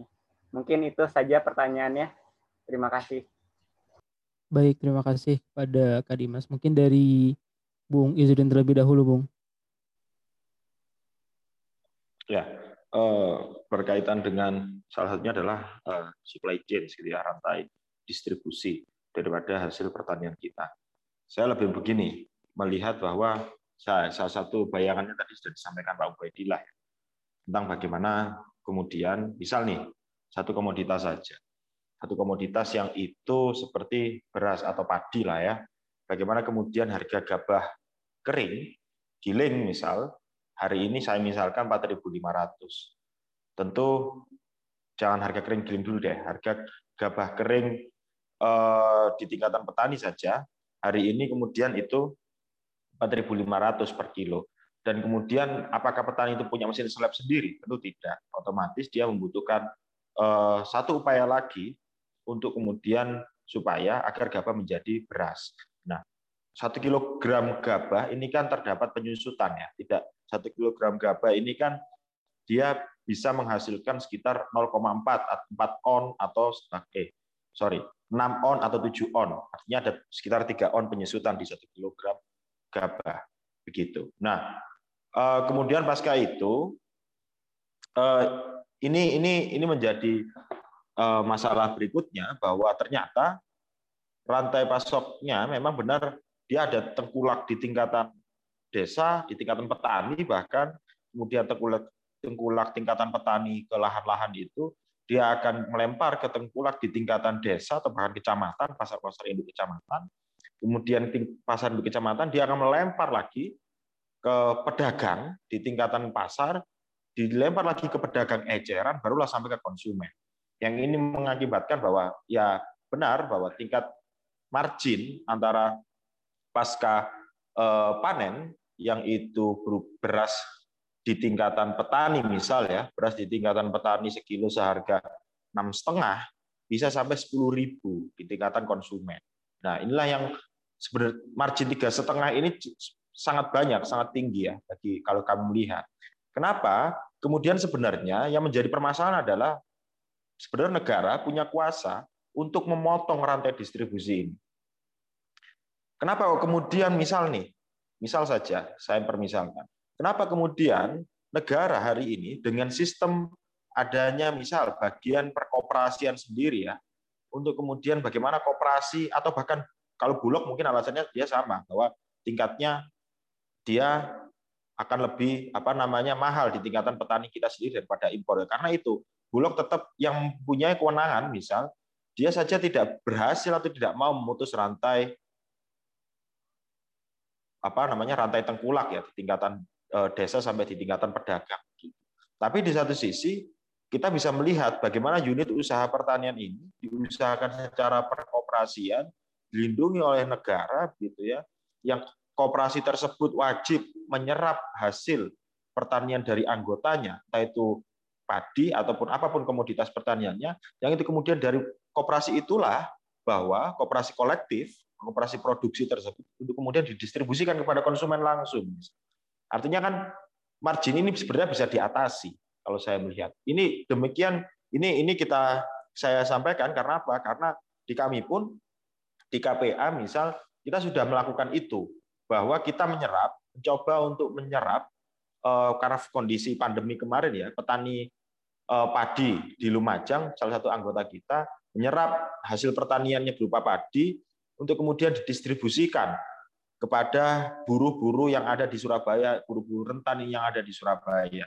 Bahwa satu kilogram saja ternyata ketemunya dengan memutus rantai tengkulai tadi, ketemunya sekitar di tingkatan buruh di tingkat di Surabaya itu bisa sampai delapan setengah saja atau delapan ribu karena di, di, di, di sana di antaranya ada biaya transportasi bahwa di, di desa-desa ternyata penggilingan atau rice milling itu dia bayarnya tidak pakai uang tapi pakai katul ya atau ampas daripada padinya gabahnya. Nah itulah. Kemudian sebenarnya ketemunya di situ. Marginnya ini beras ini sebenarnya beras tingkat medium. Kalau beras tingkat uh, premium yang itu diusahakan secara organik misal dia bisa sampai 9000 ke tingkat konsumen, di mana kemudian pasar eh, pasar yang ada di pasar induk gitu, dia bisa sampai 14 sampai 15 ribu beras premium per kilo. Nah artinya apa? Margin inilah yang kemudian sebenarnya harus menjadi sorotan utama bahwa petani sebenarnya punya pasar yang jelas karena apa? Karena dia ada yang menghubungkan ya. Siapa yang menghubungkan tentu dalam hal ini adalah misal nih kalau segi per eh, apa segmen kepemerintahannya misalnya dinas perdagangan, dinas perkoperasian begitu, apakah tidak bisa mengintervensi dinas pertanian bahkan mengintervensi usaha pertanian yang ada di desa untuk satu berkolaborasi ya untuk menyusun bagaimana plan supaya pas salah satunya adalah untuk memutus rantai tengkulak yang ada di pedesaan. Ini ini salah satu untuk bagaimana kita melihat uh, supply chain ya, supply chain yang ada di pedesaan di, di usaha pertanian. Nah, di satu sisi kita bisa melihat bagaimana kemudian pengusahaan lahan pertanian kita ini semakin tergerus tingkat terdegradasi ya tingkat keseimbangan alamnya karena apa? Petani-petani hari ini semakin didorong untuk eh, mengusahakan produksi atau memproduksi hasil pertaniannya, mengusahakan pertaniannya begitu dia dengan eh, kimiawi seperti input produksinya adalah pupuk-pupuk kimiawi kemudian bagaimana maintenance produksinya, dia juga perawatan daripada tumbuhan tanaman-tanamannya dia juga menggunakan insektisida yang kimiawi. Nah, bagaimana ini berperan? Tentu ini praktik kita melihat bagaimana revolusi hijau belakangannya. Bahwa salah satu yang memperkenalkan uh, usaha pertanian kita yang kimiawi adalah di revolusi hijau. Satu tahun, dua tahun, atau sampai empat kali, tiga kali, empat kali panen, tentu akan melimpah. Tapi pasca tersebut uh, pasca empat kali panen, tentu ini di tahun 80-an akhir revolusi hijau yang praktikkan praktek kimia itu, tentu di satu sisi dia akan mendegradasi lingkungan yang itu tidak bisa diintervensi secara jangka pendek, memulihkan kembali kondisi lingkungan. Nah, inilah yang mengibatkan bagaimana support atau input pertanian secara alamiah supportnya dia tidak bisa maksimal, yang artinya semakin berketergantungan dengan kimia. Di satu sisi ini akan mempengaruhi bagaimana pola konsumen, pola konsumsi daripada rumah tangga yang semakin dari tingkat sehat menjadi tidak sehat karena hasil dari uh, kimia gitu. Nah, masalahnya apa? Masalahnya yang hari ini kita bisa melihat praktek ya. Kalau kita bisa melihat bagaimana negara terus mendorong dengan apa? Dengan memberikan terus subsidi daripada pupuk-pupuk misal nih, pupuk-pupuk kimiawi itu itu adalah hasil diberikan kepada petani walaupun dengan subsidi, tapi yang menjadi masalah adalah di tingkatan petani oke, okay, harganya lebih rendah, tapi di tingkatan atas dia negara justru akan mensubsidi korporasi-korporasi uh, kimia apa namanya input pertanian kimia yang cukup signifikan. Inilah yang kemudian mengakibatkan bagaimana ke depannya produktivitas dari hasil pertanian kita akan semakin terancam. Karena apa? Karena dia akan terancam dengan kondisi Eh, pengaruh daripada pupuk-pupuk kimia tersebut atau input produksi kimia tersebut. Gitu, Bu. Baik, Bung. Terima kasih. Mungkin dari Bapak Ubaidillah. Uh, Bapak. Oke, okay. Uh, Dimas ya tadi ya. uh, gini, uh, kita kadang ya memang anak muda hari ini ya memang terbentur terbentur gengsi kadang. Di saat yang sama juga terbentur sama Pak saya kalau ngaku petani saya nggak bisa dapat ini Pak kayak bisa dapat uh, jadi besannya Bapak itu gitu misalnya atau uh, gimana gitu kan ya. Jadi ya memang benar bahwa ada ada banyak uh, petan uh, ya memang corak-corak generasi hari ini bahwa ya semakin ke belakang generasi memang uh, memang uh, menginginkan lebih lebih mudah gitu ya lebih uh, kalau bisa sih effortless pak tapi hasilnya sama gitu kan. Itu kan yang dicari kan. Tapi kan uh, nggak bisa seperti itu terutama di pertanian. Pak apakah mekanisasi itu bisa sukses uh, bisa membuat kita kan pengennya anak muda itu ya bertaninya modern Pak. Kalau bisa ya pakai IoT, sensor dan segala macam gitu. Jadi gini, eh, terus berkaitan dengan Jepang tadi gitu. Ya. Jadi Jepang itu ya memang udah pantas mekanisasi. Kenapa Jepang pantas mekanisasi? Karena mereka kurang orang, eh, generasinya tua-tua gitu ya. Suruh nyangkul udah gak kuat gitu. Oh, yang mau jadi petani ya lebih baik kerja di Tokyo dan segala macam gitu. Dan jangan lupa bahwa petani di Jepang itu juga dapat subsidi gitu. Dan gimana Pak mekanisasi? Ya di Indonesia gitu. Jadi ya mekanisasi di Indonesia punya syarat dan ketentuan berlaku gitu ya. Uh, maksud maksudnya gimana Pak? Jadi gini, inovasi apa pun ya, inovasi apa pun itu punya empat syarat untuk bisa berlaku. Pertama, teknis.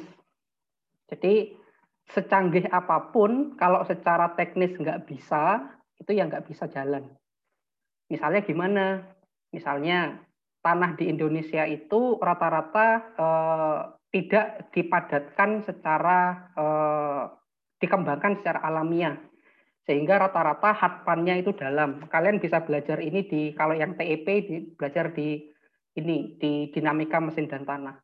Jadi alat mesin pertanian yang besar-besar itu, combine harvester dan segala macam, itu nggak bisa masuk ke tanah kita. Kenapa? Karena lapisan lumpurnya dalam, jadi maneuverability-nya rendah. Jadi bisa stuck tuh, bisa bisa tenggelam gitu ya. Ada adik bisa nyari itu di YouTube uh, combine harvester terjebak di lahan, itu banyak uh, videonya dan lucu-lucu. Ya itu. Yang nomor dua, mekanisasi itu diciptakan untuk lahan yang luas Sementara lahan kita itu terbatas, ya punya petakan dan segala macam. Makanya mekanisasi yang yang berkembang di Indonesia itu nggak sampai sampai advance banget, nggak sampai pakai traktor roda empat, nggak. Ya mekanisasinya cukup traktor roda dua. Kalau merontokkan padi ya pakai harvest, pakai uh, tracer biasa. Terus ya nggak ya di arit manual, jadi seperti itu. Itu uh, titik titik optimumnya ya secara teknis. Terus yang kedua itu satu teknis, yang kedua adalah ekonomi. Ekonomi maksudnya gimana Pak? Ekonomi ya itu tadi, apakah benar dengan meng, meng, e, mengintroduksi mekanisasi itu secara investasi masuk gitu. Maksudnya misalnya kalau saya e, punya lahan harus panen, kalau saya nyuruh orang 10 orang satu hektar itu selesai satu hari. Biayanya berapa? Misalnya sekian ratus ribu. Nah, kalau saya pakai uh, rental harvester itu sekian juta. Oh, berarti kalau sama-sama selesainya kan lebih enak nyuruh orang daripada harus pakai harvester. Karena secara biaya saya lebih lebih enak ini, lebih enak pakai orang, toh lebih murah kan, kan seperti itu. Toh selesai juga, kan seperti itu. Jadi itu ekonomi. Jadi teknis ekonomi. Nah rata-rata mekanisasi itu alatnya mahal petani kita nggak nggak sanggup lah. Kecuali memang rental gitu kan ya. Yang paling umum di kita itu rental traktor roda dua. Ya, di desa-desa kalau kalian ke desa-desa itu paling umum adalah rental traktor roda dua. Jadi eh, seperti itu. Yang itu affordable ya bisa dijangkau secara kepemilikan maupun secara sewa ya itu satu. Yang ketiga adalah sosial. Jadi mekanisasi itu harus Eh, syaratnya harus secara sosial juga diterima oleh masyarakat setempat. Seperti tadi yang saya ceritakan, soal combine harvester dibakar warga itu ya karena itu. Karena kalau di suatu daerah pohon padinya itu ternyata bisa digunakan untuk pakan hewan ternyata. Setelah diarit, setelah dirontokkan padinya, pohon padinya untuk pakan sapi. Nah, kalau pakai harvester, harvester kan dikembangkan di luar negeri. Maksudnya sih benar kalau kata orang luar negeri itu jerami ini kalau kita hancurkan bisa kita kembalikan ke lahan sebagai bahan organik. Maksudnya kan benar. Tapi kan setelah sampai di sini ternyata tidak sesuai dengan kondisi sosial setempat.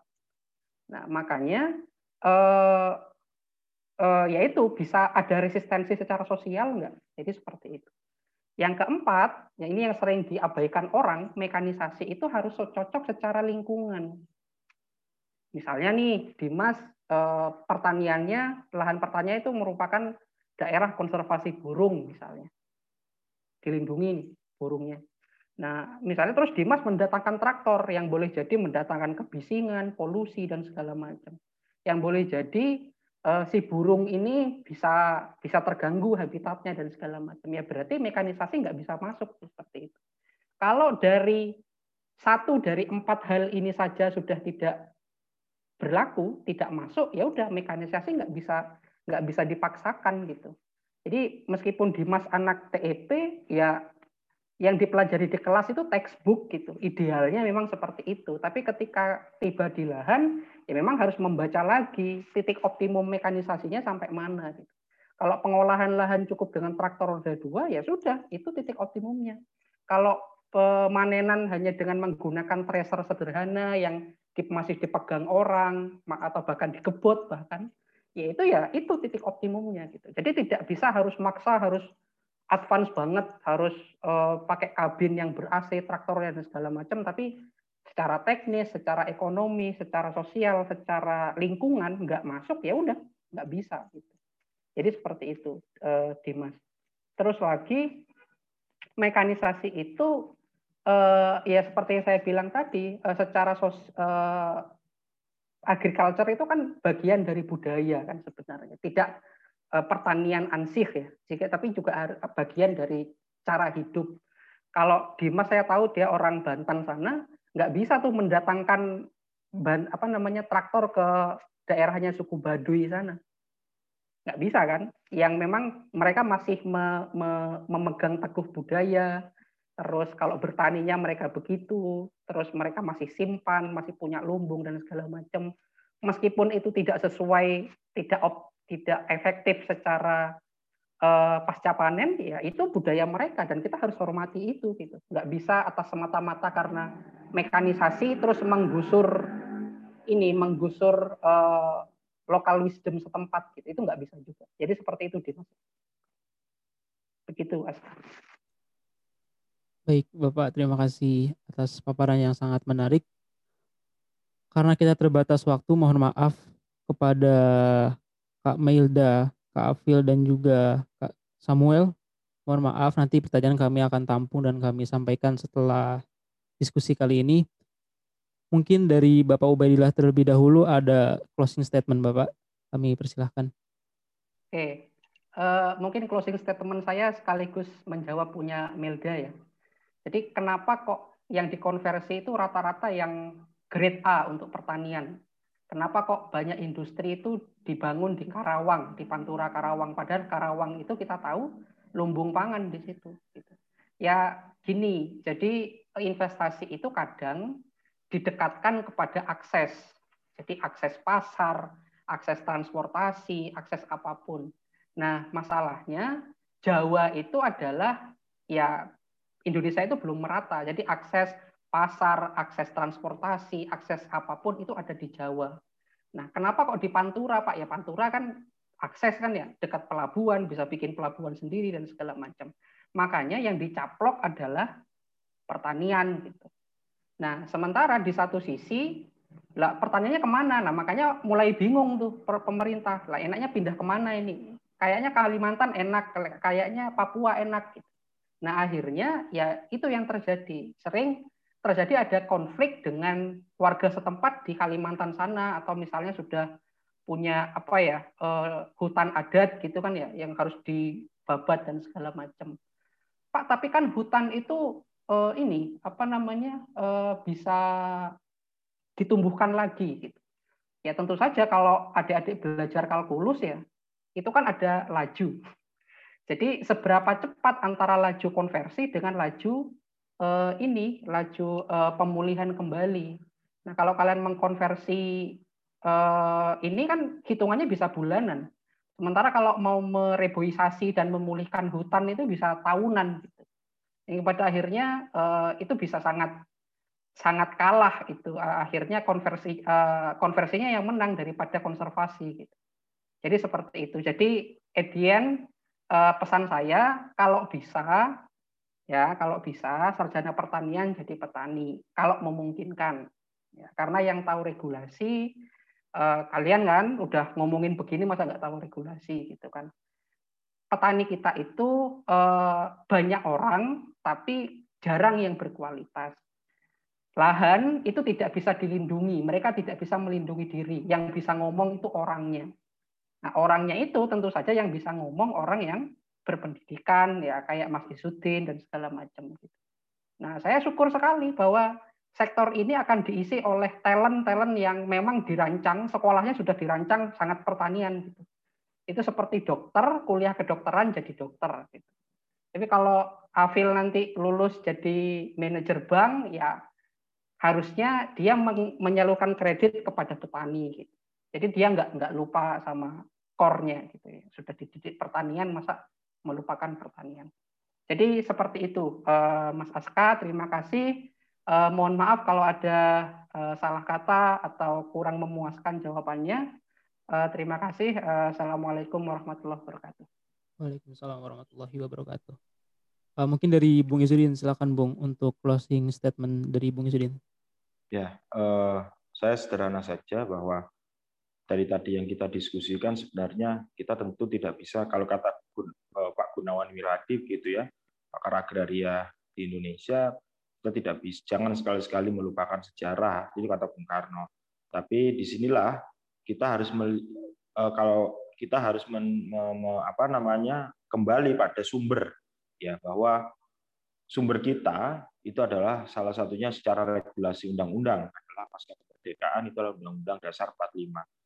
Di mana kemudian UUD ini mengamanatkan bahwa segala aspek yang ada di bumi, air, ruang angkasa bahkan apa yang terkandung di dalam bumi gitu itu digunakan atau dikuasai oleh negara digunakan sebesar-besarnya untuk kemakmuran rakyat. Siapa rakyat ini? Rakyat rakyat inilah dia adalah masyarakat rentan atau masyarakat-masyarakat yang memang dalam hal ini kalau dalam segi alat produksi itu dia adalah petani begitu ya dia membutuhkan tanah tentu itu itu paling harus diperhatikan bahwa cita-cita kita adalah cita-cita yang kemudian memakmurkan segenap elemen masyarakat yang mana itu kemudian berbasis pada pembangunannya berbasis pada eh, pedesaan-pedesaan. Bagaimana kemudian subjek daripada pembangunan itu adalah masyarakat sendiri kita tidak bisa bayangkan kemudian apabila uh, seluruh sumber-sumber agraria, entah itu air, apa yang terkandung dalam bumi ataupun bahkan tanah itu sendiri, itu dikuasai bukan oleh orang, tapi dikuasai oleh salah satu unit usaha skala besar yang orangnya adalah menjadi buruh-buruh kasar. Nah, artinya apa? Tentu secara kesejahteraan tidak akan uh, sejahtera. Tentu apalagi secara keadilan. Kita akan hanya menjadi tenaga atau buruh-buruh yang terus dieksploitasi oleh pihak lain. Nah, inilah yang saya sebut bahwa sejatinya eh, kalau kami di KPA Konsorsium Pembaruan Agraria begitu bahwa pada kita harus bersama-sama mendorongkan bagaimana reforma agraria itu penataan struktur penguasaan tanah itu atau sumber-sumber agraria itu yang hari ini timpang tadi 0,68 harus kemudian distruktur atau direstrukturisasi agar menjadi berkeadilan. Petani yang hanya mempunyai 0,1 hektar, kemudian ada petani yang punya 10 hektar, ini harus disejajarkan secara keadilan, tingkat keadilannya. Tentu tidak bisa dinilai semata-mata dari uang, tapi bagaimana kemudian tingkat keadilan ini bisa diatur oleh negara yang kemudian hari akan diisi oleh kawan-kawan sekalian. Gitu.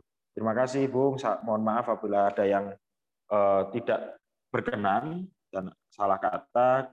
Sekian dari saya. Wassalamualaikum warahmatullahi wabarakatuh.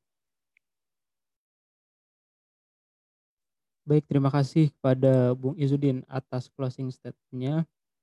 Baik teman-teman sekalian, demikianlah kajian kali ini yang bertema menganalisis dampak alih fungsi lahan pertanian terhadap ketahanan pangan Indonesia pasca pandemi. Sebelum sesi ini kita akhiri, izinkan saya untuk mencoba menyimpulkan hasil kajian kali ini.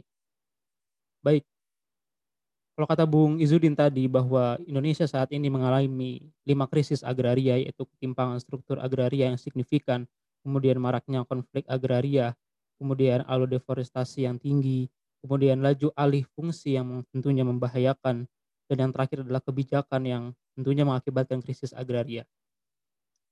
Pasca pandemi, ini mengindikasikan bahwa semua negara akan mengamankan pangan, oleh karena itu Indonesia juga akan melakukan hal itu.